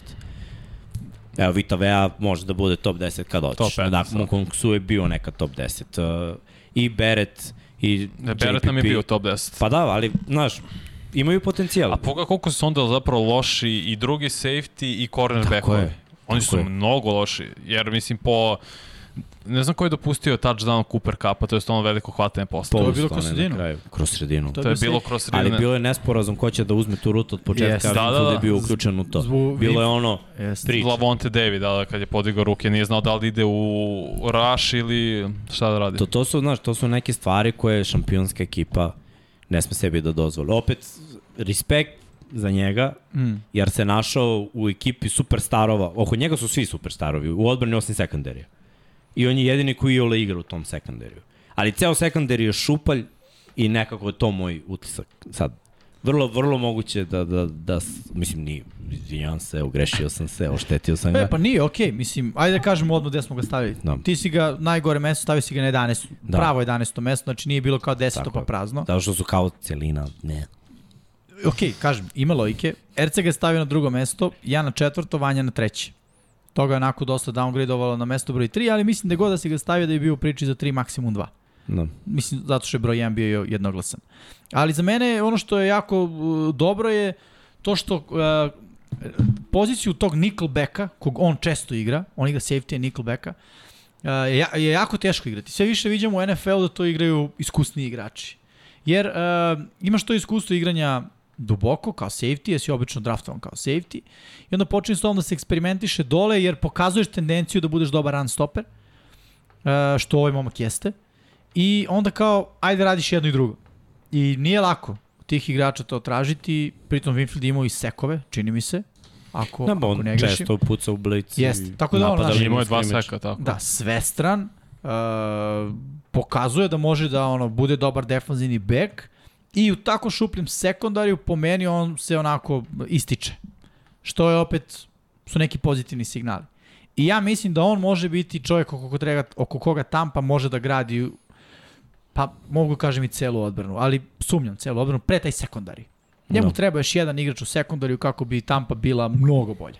Da, da. Mnogo bolje. Mislim da, meni najveći utisak, kažem, ostavlja to što je Istina, sekundari, ima što je sekundari šupalji, on stvarno obavlja dosta toga, baš je ono svestran, ali bilo bi, znaš, oni su mo mogli malo možda da eksperimentišu i da ga stave u bolju situaciju, da pomogne timu. Jer ovako je pomogao sebi. Da. Statistika mu je super, ali ekipa kao ekipa se mučila protiv svih, gle- gledaj čitavu sezonu Tampa, oni jesu dobijali neke utakmice, ali uglavnom dobijaju na napad. I ovaj comeback koji je mogao da se desi protiv Bio Remsa, napad, da. de, ono, fumblovi Remsa i, i njihov napad koji je ono odjednom proradio. Odbrana tokom čitave utakmice, pazi, ta dva fumbla, ovo, ovo bi bio touchdown šahmat u prvom poluvremenu. Jeste, jeste. I ovo, ovo ispušta loptu na koliko, yard, dva Tako je. od end zone, mislim. I opet Prosto je fumblovo kad su mogli da istroše sve vreme. Jeste. I tad je fumblo. Mislim, Da. Dobro. E, rekli smo da smo ga stavili, mislim da možemo da idemo na mesto broj 2. Pričali smo o dva safety-a koji imaju Buffalo Billsi. Jedan je Jordan Poyer koji je na ovoj našoj listi, to mesto broj 6. Mesto broj 2 nam je uh, Mika, Mike- Majka, Mike. Majka Hyde. Kao Mike Bolji od dva safety-a i mlađi pa bazi od on je. Packersima meni već privukao pažnju kao punt returner. I tad je dobio onako na kašičicu. Ono. Evo kao uđi malo igraj. To me, to me nerviralo. Mislio sam da, da, da je zaslužuje da dobije bar malo više snapova. Nije se desilo, došao Bills i napravio show. On i Poer. Pa nije mla, mlađi je Boer. A, ja se izvinjam. Hyde ima 32. Na, 31 On je- meni piše, p- 31. decembra je rođen. Da, da, da, da, da 31. Da. Tako da, da, mislim da je brutalan mlađi, tandem, okej. brutalan tandem safety-a. Jeste, i, ve- i veterani. I mislim, da možemo kažemo da igraju na visokom nivou već posljednje 2-3 godine, koliko su i Billsi u play-offu. Mhm. Koliko su Billsi onako respektabilna ekipa i ta odbrana je sve bolje i bolje od kad je McDermott tu. Od kada oni pokušavaju i ulaze u play-off. Sad su krenuli konačno pobeđuju, ali opet ova godina je bila pad za njih, jako su igrali dobro, jer su godinu dana ranije ušli u finale konferencije. Sad nisu, a mislim da im je sad ova sledeća godina Super Bowl i to je možda vidjet ćemo kako... Možda dve. Da, mo, možda, Možda dve i to je prilika za ova dva igrača da ostanu tu još godinu. Ali dve. ovo što si rekao, je baš proigrao u Buffalo. On je bio okej okay, igrač u Green Bayu, ali Da. u Buffalo je eksplodirao. Jeste. Da li zato što je igrao odjednom preko 1000 snapova svake Pa sezone? mislim da, mislim da, da je to, jer gledaj, za Green Bay baš dobio na kašičicu i onda trebalo mu je malo da mu neko daj poverenje. Imaš igrače koji, znaš ono, da budu specijal, ne može svako bude ono ku basketu šesti igrač. Nije svako kapacitet za to, nekom treba da, da budem starter, da, da budemo... Jeste. Ne, ovaj kad je dobio prvi put priliku, ok, ti si nam starter, igraš to mu to, nemamo, to je to. Valjda mu je skočilo samo pouzdanje i pokazuje svoj potencijal koji ima. Ajde da nastavimo istu praksu i da odmah pokažemo ko je broj 1 pa da pravimo neku komparaciju. Broj 1 nam je bio jedinstven, tu nije bilo diskusije, svi su stavili na mesto broj 1 Kevina Bayarda Tennessee, uh, iz Tennessee Titansa i sad ono, Bayard ili, ili uh, Hyde, Bayard su ima broj 1, Hyde, ajde da kažem, Vanja na mesto broj 2, ja na mesto broj 2, Erceg na mesto broj 3, Miksa na mesto broj 3. Onako, top 3 svima, bez, bez puno uh, razmišljanja, ali Bayard sa druge strane, onako, rekao bih, case closed. Najbolji safety trenutno kog imamo u NFL-u. Pa gledaj, on je toliko bio dobar da, da, da je malo Hookeru pala akcija kod mene bar, jer ova dvojica igraju dobro u tandemu. Da. A ova igra toliko dobro i mislim igra dobro kad je ušao u NFL. Znači mm -hmm. on je jedno od onih imena koje, koje si odmah znao od prve godine. Bayard ima os- osjećaj za loptu, ima stvarno dobar osjećaj za loptu. I, i iskoristio je sav taj pritisak koji dolazi od prvih sedam igrača blizu linije skrimidža. Da, da igra malo instinktivno i malo više da napada. A to što ima dva slabija kornera, mi samo više govori o njemu. Znaš, da je ono pravi vođa sekundarija. Da, da. Tako da, Tako je. ovo je sezona, prvo bili su prva ekipa u AFC-u, nisu izgubili zbog odbrane, da Bez- se razumemo. bez- Meni je subjektivni osjećaj njihovog poraza u play-offu da je odbrana super odigrala. Sa svim onim sekovima i Pa- priticima, da, da Tenehill nije prodavao lopti tu oko pola terena, oni su mogli da pobede. On je bio, ja mislim, stvarno razvalili Sinci. Da, ten, da Tenehill nije bacio tri presečene lopte, mislim da bi oni o, stvarno očistili da. Sinci. Bez ih. Totalno druga slika. Tako da, Da. subjektivni osjećaj je da, da znaš, o, ništa mi se nije pokvarilo za Bayard ove godine. Kako, šta sam gledao, šta više kad se Henry povredio, znaš, mogla da bude panika, kako mm. ćemo sada? Sad ćemo mi biti na terenu, sad nema više Henrya, ne možemo da osvijemo novi prvi Da, down. nemaš identitet na papiru. Prvi tim u FC. Da, da. I, I to Podvig. je za, za sav respekt. Jeste, podvig. I kao što si rekao, lider u tom sekundariju. B, aj nemo kažeš baš u celoj odbrani kad je ono, Simons tu. Uh, i ovaj uh, Dobro, front lider, seven, lider ali- sekundarija. Da, ali lider sekundarija svakako i mislim da je ono trenutno igrač sa ono top 2 najvećim respektom u ekipi i Tennessee Tennessee Titansa. Ajde kažemo u odbrani Tennessee Titans ipak. Da. Derrick Henry Simons to je ovaj neka priča za za sebe. Uh, I ono meni je sasvim logično da on bude broj 1 i ono, sva četvorica smo ga stavili na, na, na mesto broj 1. Sa što se tiče Hajda, ajde malo i na njega da se, da se vratimo. A, bojim se da ovo može biti to od Hajda. Mislim da Da. plafon je dostignut. Pa i za Poera i za njega. Mislim, to su sad Da. već godine kada će se voziti sa ovom dobrom ekipom do Jest. samo kraja. Ali igraju na visokom nivou, Igraju. zahvaljujući dobro izbalansiranoj ekipi. Mm. I vremenu koje na, provode. na, napad provede vreme na terenu, onda izađu oni. Overall, imaju dobre kornere, imaju dobru defensivnu liniju, imaju Jeste. odlične linebackere. Jeste. Imaju dvojicu top 10 inside Mm. mm. linebackera isto. Tako da, svuda je talent oko njih i oni mogu, ko što kaže Vanja, i dve godine još. Ja mislim da su Da- oni da jedini vozi. tim koji jedina bar odbrana da ima bukvalno u, sva, u svakoj liniji kod nas u top 10. Tredavis, Pa nemamo White, kornera, jer White, White nije igrao. Ali u top 10 ovu godinu. nije? Ja mislim da nam Ne, nije ne, u ne, top nije. 10 miksa. Pa nije. A nije Pa korner, sad da, stavili da, da, da, da, korner. da je zdrav, da, nije. da, da je zdrav. Ali Tredavis White je top 10. Da, prebaci se na prošle godine da je Da, da. zdrav, top 10. Samo dvojic, imamo, da, Tako je. ostalo je tu. Imamo i D-line i linebacker i safety. Dobro. Tako da, respekt za, za Bills. Izgradili su brutalnu ekipu, iskreno na papiru najbolja ekipa u AFC-u, pa Colts. I napad i odbrana Da, u totalu. Dobro. Pa ne u AFC, u, u NFL-u. vrlo moguće. Ja ne znam u NFC-u ko je talentovani. Da je Davante Adams tu u Green Bayu i ajde. Stavi zato što je toliko odbrana Green Pa, Baya Ramsey prepuna, dalje imaju dosta talenta. Sad da ja kažem Ramsey da ima. ali ne znam za ofenzivnu liniju. Koliko će Pa sad, kako će da izgleda, znaš to. Ok mi je bilo i prošle godine kad uh, nije igrao mm. -hmm. Whitford, kad je igrao Notboom.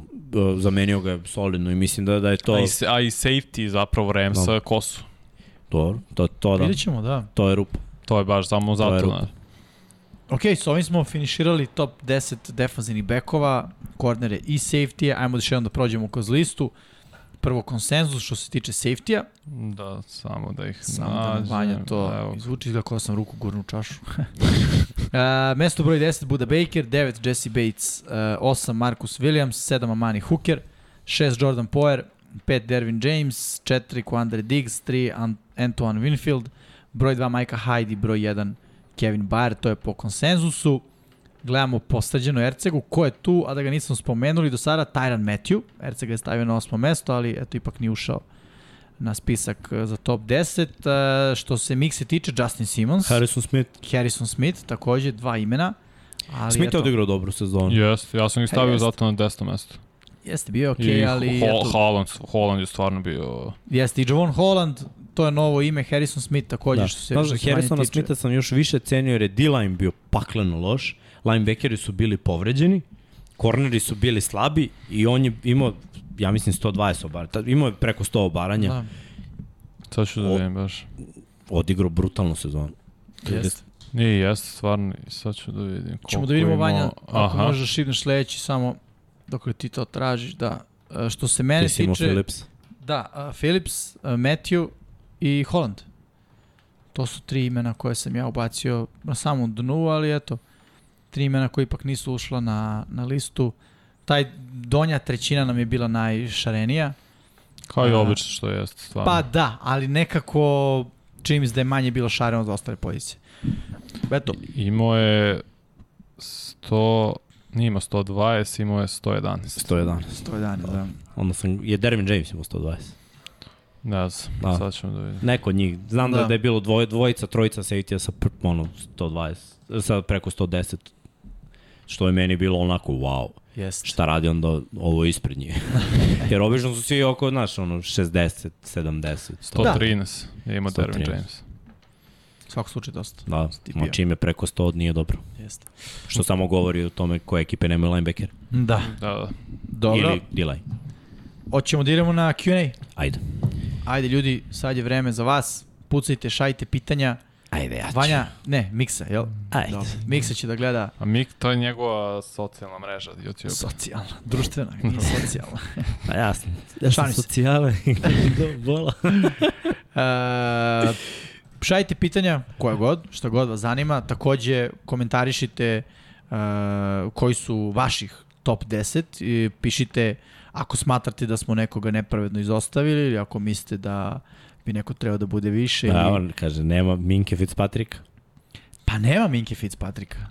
I ja sam se zapitao jednom trenutku kad sam pogledao listu i rekao, čoveče, nemamo Minko Fitzpatricka, ali opet ono, taj utisak cele, cele sezone. Da, TJ Watt je bio najveća zvezda u toj odbrani, mislim, to tu nema Jeste, govora, da. ali čini mi se da Minka Fitzpatrick, Fitzpatrick ne igra kao što je igrao uh, ranije za, za Steelers. Mislim, o, osetno se nešto dešava.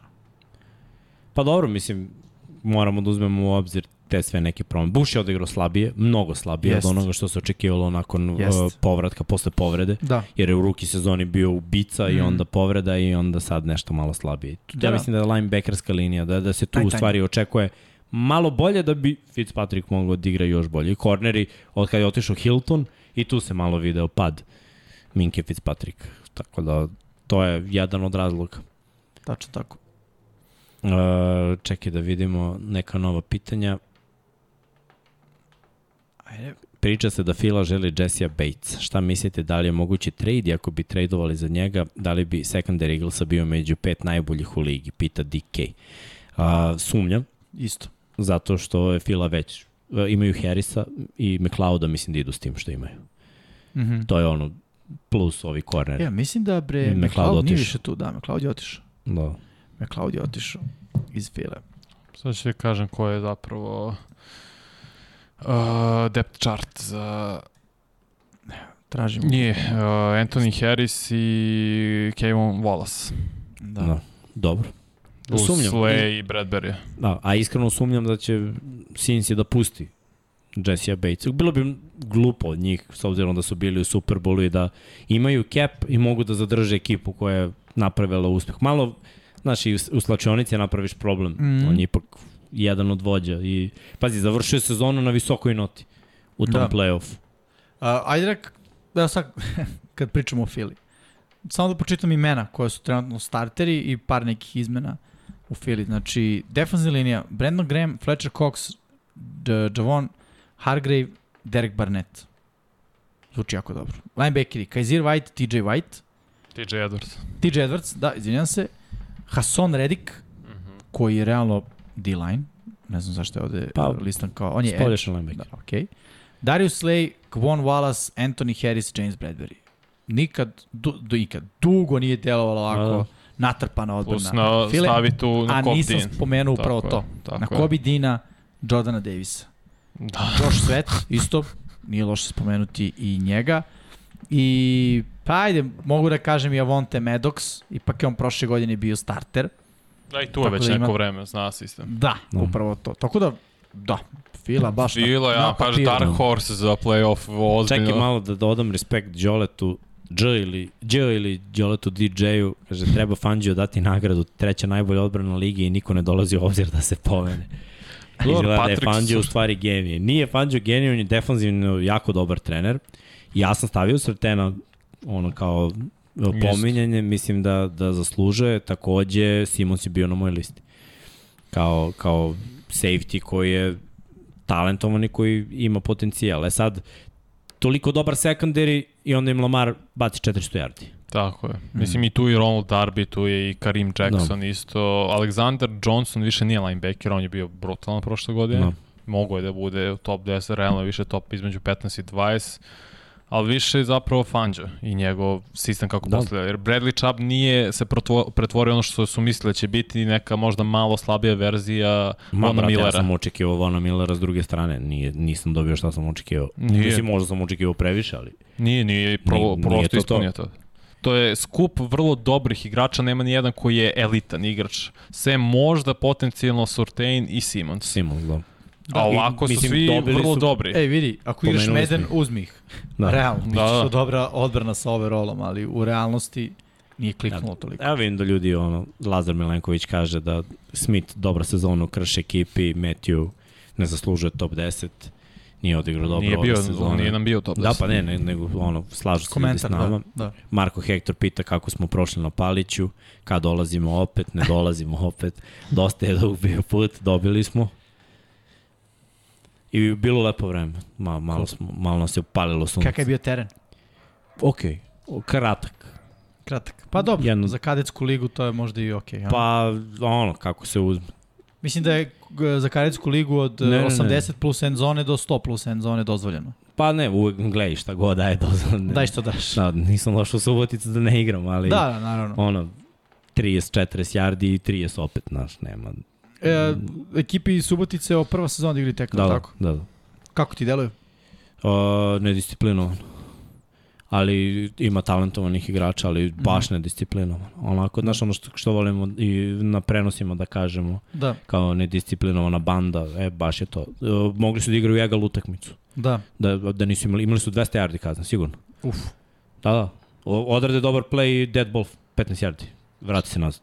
Da. Gluposti. Da, Dobro. ne, nešto što mi ispravljamo u korenu kod naših igrača, na primjer. Jasno. Kako mi radimo s klincima, znači, ono, inteligencija pre svega. Da, dobro, prva sezona sa opremom, tako Pa. da to su neke, da kažem, dečije bolesti koje Pa jeste, sigurno da. da. će prevazići. Mora to da, da se skrene Da. pažnja na to. I tako bilo i u prvoj utakmici koju sam gledao isto. Mm. -hmm. Pa vidjet ćemo da, li- da li će naučiti nešto. A, da vidimo. E, da, kaže, Minka je imao 125. Pa A,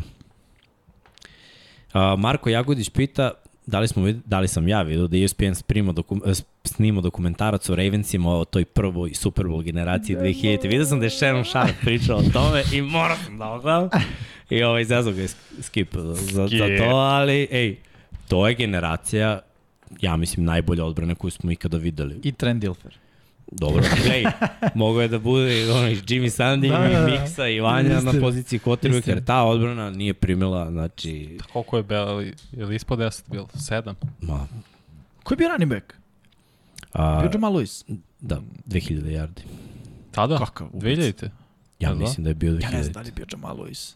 Pa ja ne znam. Ja možda čak i nije, ali Sad ću da im baš... da. 2000 Ravens. Ja mislim da je. Roster. Ja bože, kucam Jamal Lewis izbacuje mi nekog lika iz drugog futbola. Newcastle. Jeste bio Jamal Lewis, Da. ali nije imao 2000 yardi. Ne, je- nije imao 2000 yardi te E, pa godine, to, to, to, to, to, imao Da. je iz skrimidža, opet imao skoro 1600. Ma čovjek je bio Ne, imao je skoro 1700. 2000, to mu bila ruki sezona. Da, da, jeste ruk. I, 16 utakmica, 13 startova. 1300. Ne, ne, ne, 64. Najbolji brate, levi tackle. Najbolji levi tackle. da to, Jonathan Ogden. ma ne bila ekipa skockana, ali baš old school, ono, ekipa debelih i krupnih ljudi. Da, da, ali ono, Ali to je kvotar, to. hvatači, samo da, samo da ih imamo. Pa Bukvalno je Shannon Sharp bio najbolji. najbolja hvatačka opcija. Jeste, jeste, ali daj ten, I. Stokely uhvatio jedan touchdown, Da. kad je bilo važno. Ovo što da Znaš koliko je yardi imao Trent Dilfer? Pa šta ima, nije, utakmice, ja sam gledao te 1500. utakmice. I ja sam teo kažem 2000. No, pa, brate, A Shannon Sharp je od tih 1500 imao 810. da. 1500. Jamal Lewis ruki istočao 1364. Ljudi, to je bila trka. Ej, zato se snima dokumentarac. Zato što je odbrana bila Da, brutalna. da, da. Yes. Mm. To je bilo to. Inače, Inače, 2000 yardi je imao 2003. godine. Da. 2066 yardi. Ubica. Stvarno. A, da vidimo, da vidimo, da vidimo dalje. Šta mislite, da li će Saintsi znati da iskoriste ovo oružje u napadu i to bez Peytona sa našim Winstonom, pita Marko Hector. Ej, Ja mislim da. video sam Winstona malo na treninzima i ovaj, delo mi je da se malo popravi u teretani. On je mi uvek onako bio kao neki buc, buckić. Yes. Bucika. Da, ali, ali sam mi deluje onako, Deluje, gledam deluje. ramena, grudi, onako kao da je malo udario po teretani, s obzirom da nije mogao da trči i da i, ovaj, verovatno i da baca.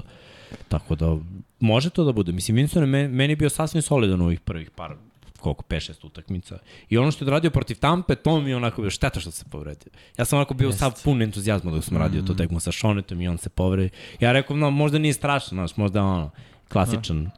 uh, Ja mislim da će. Saints ove godine biti najveća ekipa o kojoj se ne priča. Da. Jer kao ono, šta da očekujemo, da li će novi trener koji je defanzivno orijentisan, naš, a oni su bili ofanzivna ekipa, iako nisu. Da. Imamo pitanje ko, da li se zna ko je ofenzivni koordinator. Njihov je čovek ofenzivni koordinator. On Da, koji je bio ispod da Peyton, samo ime ne znamo, oprostit ćete mi. Ali on je sigurno. Šta ću naći? Mhm. Samo moment.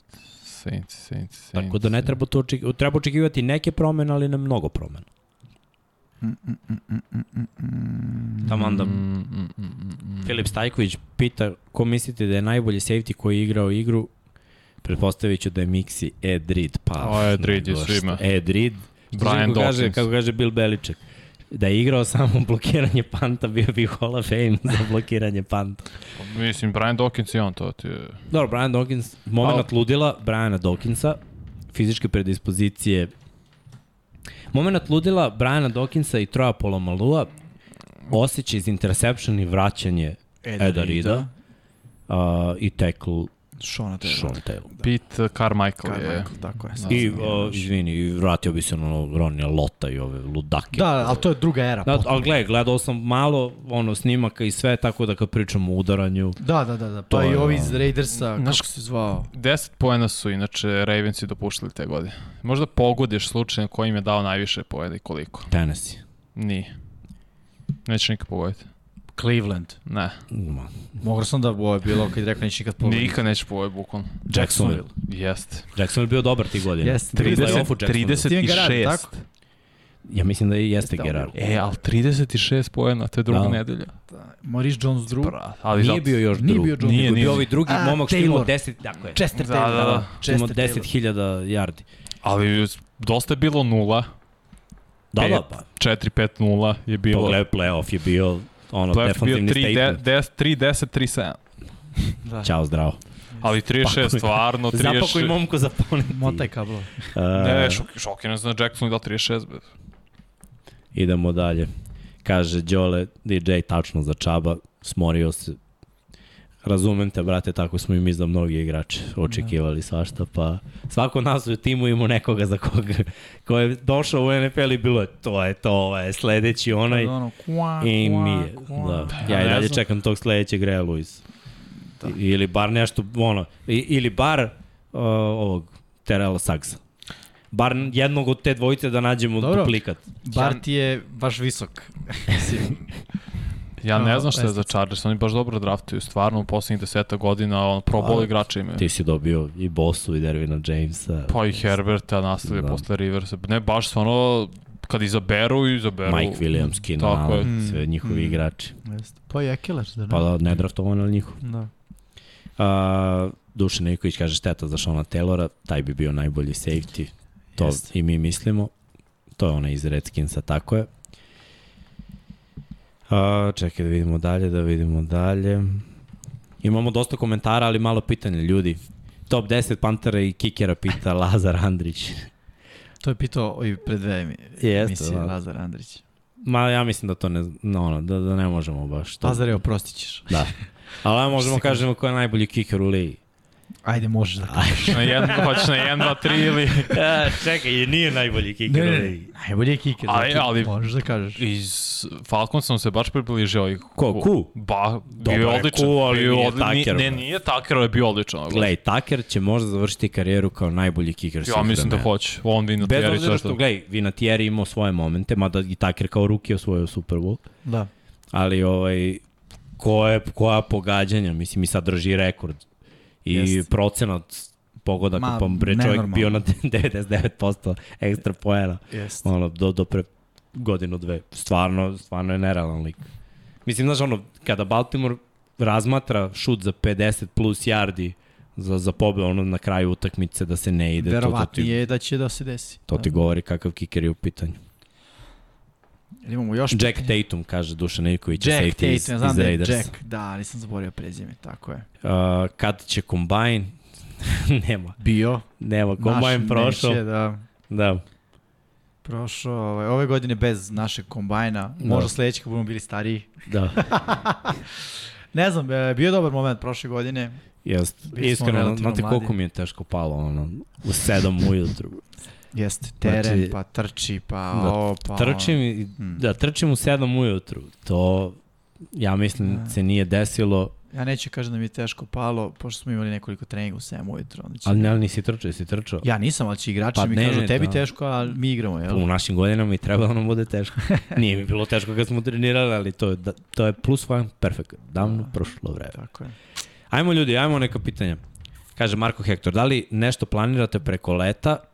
Ako da, šta? Otkrite na malo šta se očekuje do sezone i Ajde. kad krećete da rangirate ekipu.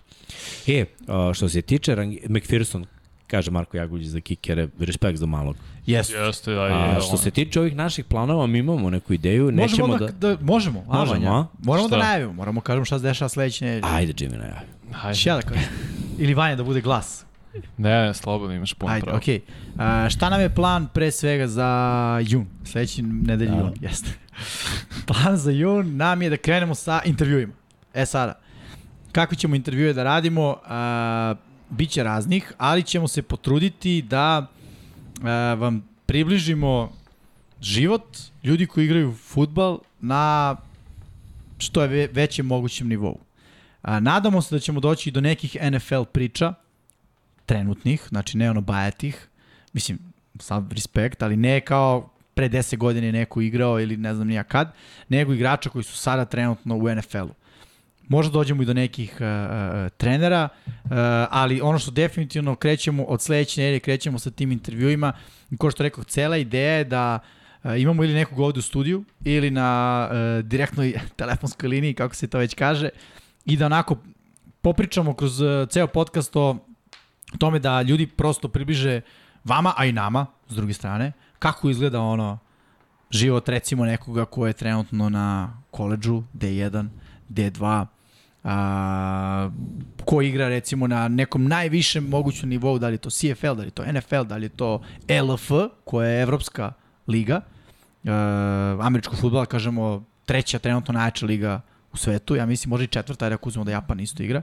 Tako da ono, ideja nam je da sa tim e, intervjuima uh, i mi saznamo nešto novo i onako uh, uh, svi zajedno dobijemo jedan, jedan uvid u to kako to izgleda igrati američki futbol na, na najvećem mogućem nivou. Što u Evropi, što u Americi na nivou uh, koleđa, uh, divizije 1, divizije 2, imamo ljude da kažem, hvala Bogu, koji, s kojima imamo kontakt i koji su tamo i koji smo već kontaktirali, koji su voljni da pričaju sa, sa nama i da svima nama, da kažem, pruže tu šansu i, i jednostavno priliku da, da i mi saznamo kako kad ustaju, koje su im obaveze, kako izgleda trening 1, trening 2, teretana, gledanje filma, analiziranje, pripreme, gde oni sebe vide sada, ove sezone, kroz par godina, to nam je ono ideja, bit će to, da kažem, ekskluzivni intervju i mislim da niko osim Mikse ovde ne radi generalno intervjue sa ljudima koji su u američkom futbolu, Ne brinite, naučit ću vas drevno sa morajsku veštinu. Rađenje intervjua. Da, tako da da, to krećemo od sledećeg petka, to je bilo ono nešto što smo najavljivali ranije, ali eto nismo hteli baš da, da pričamo puno o tome.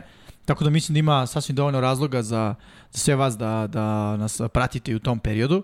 A što se tiče rangiranja ekipa, to ćemo raditi kako se bude približavao avgust. Znači, jul i onako, e, mogu da kažem pre nego što krenu predsezonske utakmice. Pa da. Gledaj, trudit ćemo se kad god neko hoće, kad god imamo nekoga, da to plasiramo, Da. znači do avgusta, ako nemamo nekog.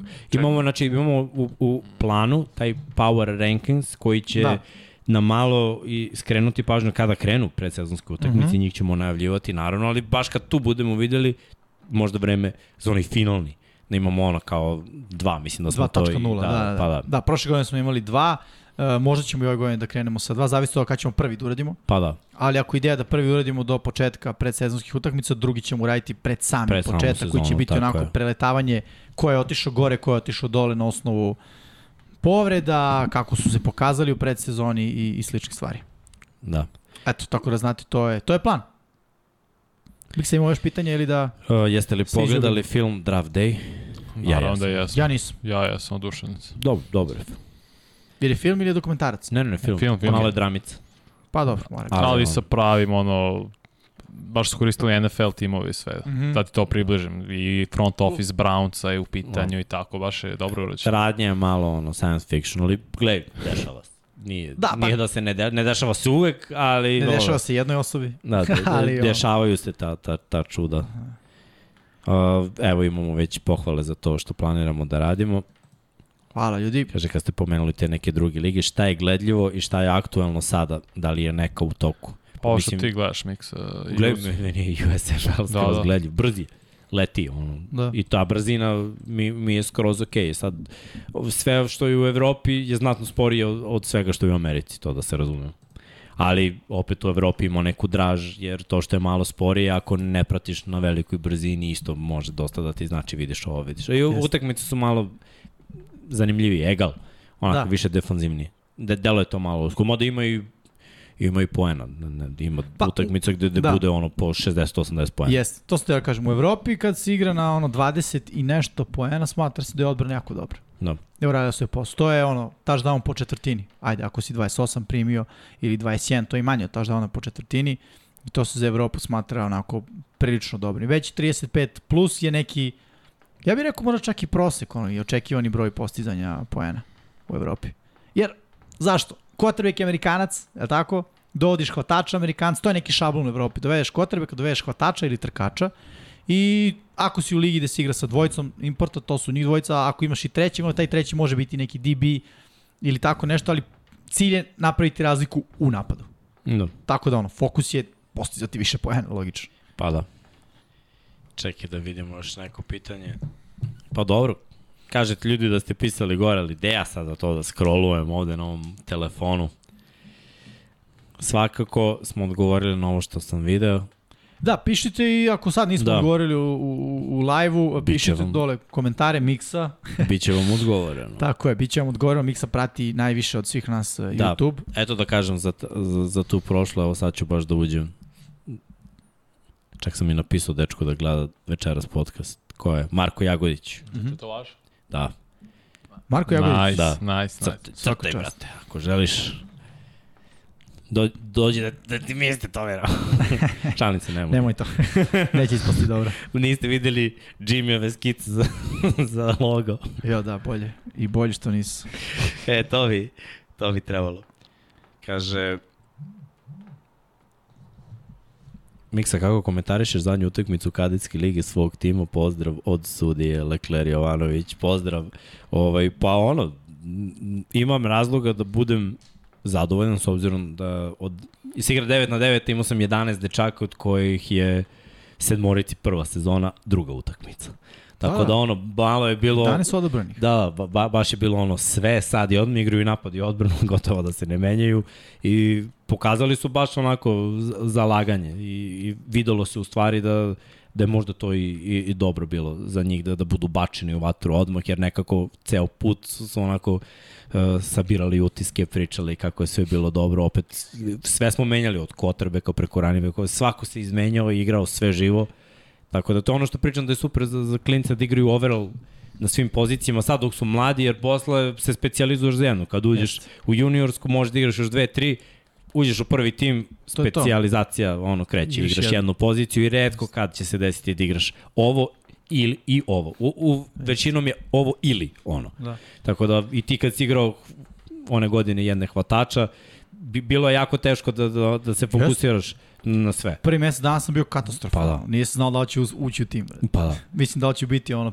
šesti hvatač. Ja se sećam da ono, kad su, kad su me stavili na korner, ono, prvo, mislim, ono, ok, ali ovo je sad neki drugi nivo, svi, svi running backovi su veći, a ja baš nisam mnogo trenirao kao korner, ok, coverage i, i tu i tamo, ali znaš, nije, nije ti prirodno i sad ono, Da, da. Treba da učiš i za hvatače i da ulaziš, mora, mora da bude posvećeno 100% na, na jednoj poziciji. Tako, Tako da ono, za klince je najbolje sada što mogu da rade sve i to će ih učiniti mnogo boljim igračima. A baš sam zadovoljan Tako je. kako su dečaci odradili. Ta karetska liga je sad u jeku. Pa da. Uh, ona se završava nešto pre. Je, na početku Seniorski. jula, da. Znači Da. sad, sad je grupna faza i mislim da i mi i Jug imamo još po dva kola, po dve utakmice i onda ide play-off. Ko je još Prve tu? dve Znači, plasirane. Pa za sad su uh, gore, na, mi smo prvo plasirani na severu, Orlovi su drugo plasirani, Subotica broj 3, uh -huh. a na jugu Jagodina je poslednja, Kragujevac broj 2, Kraljevo je najbolji tim trenutno sa dve pobede. Tako da dve prvo plasirane, domaćini su prvo plasirani, pa ćemo videti. Da. Mislim, sli, slično kao, kao i prošle godine, problem je malo ima ekipa, red, mm. redko se skupi. Mislim, mi smo imali taj problem jer, jer smo se odlučili za, za ovu mlađu, mlađu generaciju. I imamo još igrača 2004. koji nisu upali u da rotaciju, igraju, jednostavno. Ne mogu da A, igraju, mogu ali ali... Aha. forsiramo samo one koji, koji su bili i u juniorskoj, jer ipak ja najviše cenim ono, availability is best ability. Da. To, to je po meni na, najvažnije. Tako da zadovoljan sam klincima koji su, kažem, bačeni u vatru prvi put i iako je Subotic igrao prvu teklu sezonu, zapravo i oni igraju prvu teklu da. sezonu i, i to je bilo jako dobro za nas. Dobro. I mislim da je to. Što se tiče prve lige, vi niste igrali protiv Jagodine, eto da. to da kažemo Nismo za, za ljude koje zanima na, na ovim prostorima šta se dešava. Vukovi su dalje prvo plasirani, to je bilo ono 35-0. Da, na, nažalost, eto ekipa iz Jagodine ima te poteškoće sa brojem igrača i otkazali su meč. Tako da to se piše službeni rezultat 35-0 za, za nas. Nas sada, ne ovaj, nego sledeći vikend očekuje uh, utakmica protiv uh, ekipe Požareca, koja se trenutno nalazi na poslednjem mestu, a prošli vikend je igran uh, zanimljiv meč, Kragujevac Wild Borsi protiv uh, Beogradskih plavih zmajeva. Uh, Zmajevi su bili oslabljeni, nije im igrao startni quarterback, ne znam koja je tačno tu bila priča, ali gledam, nije igrao na mesto quarterbacka, im je igrao hvatač i napad sam po sebi nije baš izgledao najsjajnije. Kragujevac je pobedio 21-0, ali eto, rekao sam u Evropi kada postignete manje od, primite manje od 20, ja da kažem 8 poena, to se smatra dobrom odbranom. Kragujevac primio 0, Plavi Zmajevi 21, tako da možemo reći jedan defanzivan meč, svakako za jednu i za drugu uh, ekipu.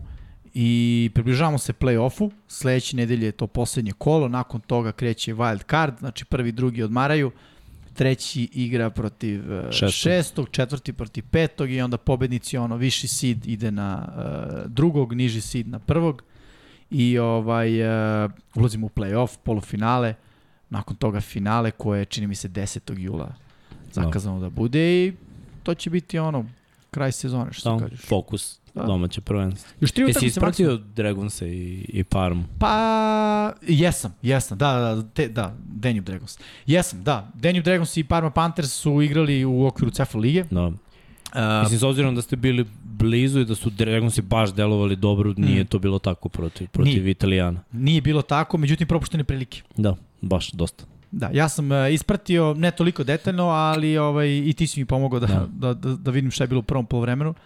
U smislu da su imali tri puta da, da. on prvi za gol, i ništa. tri drajva i tri poena i svega toga. Prosto da, nisu nisu su šutnuli dva puta rizikovali i to je to. To je putovanje. No. Znaš, I, I oni si, su mladi. Jesu, jesu, I, mladi i, I to je baš, baš za poštovanje. Jeste. Pritom uh, Parma ima odličnu defanzivnu liniju. I ofanzivnu. Krupni su dosta jaki na liniji scrimmage, to, da. to me oduševilo. Tako da eto, Parma Panthersi su pobedili, oni idu dalje u Ceflu i njih sada čeka meč proti, čini mi se, Kalanda Broncosa, ako se ne varam. Da, moguće. Ali svakako, eto, pratiti Cefal ligu.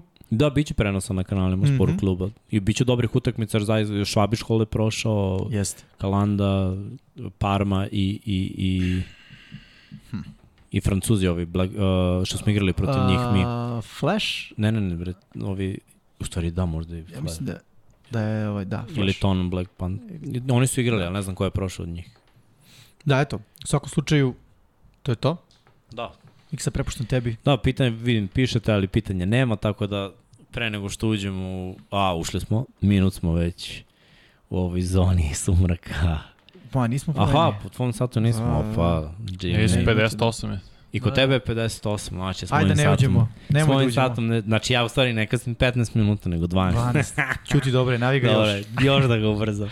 Uh, nadam se da ste uživali u ovom podcastu, je sad zaboravili smo sve vreme da vam pominjamo like, subscribe, ali da. svakako ako niste članovi, subscribeujte se, ako želite da, da pomognete ekipe da nastavi da radi ovo, uh, učlanite se, budite uh, naši svetioničari, takođe tu je i Patreon ako želite da, da pogurate ekipu malo da realizujemo neke nove ideje. Uh, nadam se da, da će sada kad smo ispričali ovo, možda neki nisu videli na Instagramu da može da se igra Meden, da ćemo ponoviti ovu ideju, ali sa 20 kecom s obzirom na 22 ne možemo da nađemo, jer jel te, ovaj Lamar ovde nije za džabe. MVP. Tako da nađete 21 pa da igrate protiv Jimmya, da ne mora dečko da igra protiv kompa. Da. Uh, što se tiče naših Patreonaša, Vanja si spremio video. Uh -huh. E pa onda pre nego što krene video, još jednom da vas pozdravimo iz Infinity Lighthouse studija.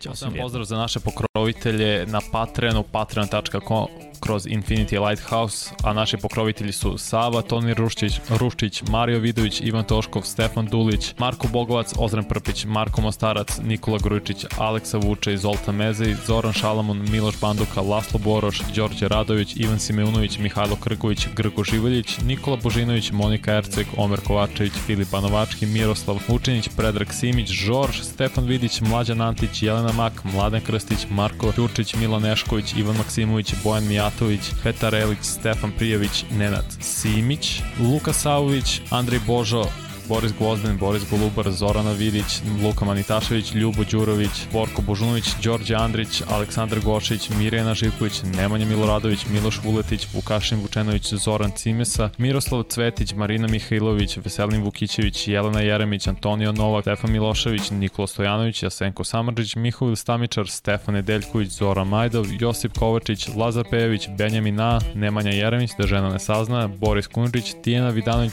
Stefan Ličina, Aleksandar Antonović, Dejan Vujović, Nemanja Zagorac, Đole Bronkos, Aleksa Jelić, Aca Vizla, Igor Vukčević, Đole žena mi zna, Branko Bisački, Nena Đorđević, Vukašin Jekić, Aleksandar M, Žarko Milić, Dejan Đokić, Bojan Markov, Ertan Prelić, Igor Kačparević, Alen Stojičić, Depressed Cody Garbrandt fan, Strahinja Banović, Aleksandar Jurić, Vladimir Filipović, Branislav Marković, Vanja Radulović, Đorđe Đukić, Miloš Todorov, Žarko Milić, Emir Mesić, Stefan Stanković, Dušan Ristić, Vladimir Petković, Pavle Njemec, Jovan Đodan, Boris Ercek, Katarina, Ivan Ciger, Andrej Bicok, Mlade Mladenović, Dimitrije Mišić, Bahter Abdurmanov, Andreja Branković, Nebojša Živanović, Jugoslav Krasnić, Nenad Pantelić, Vladan Vlada Ivanović, Stefan Janković, Aleksandar Banovac, Miloš Radosavljević, LFC, Borislav Jovanović i Andrej Milda, Miladinović plus 26 tajnih pokrovitelja. Hvala vam puno ljudi na, na još jednom idite na Patreon.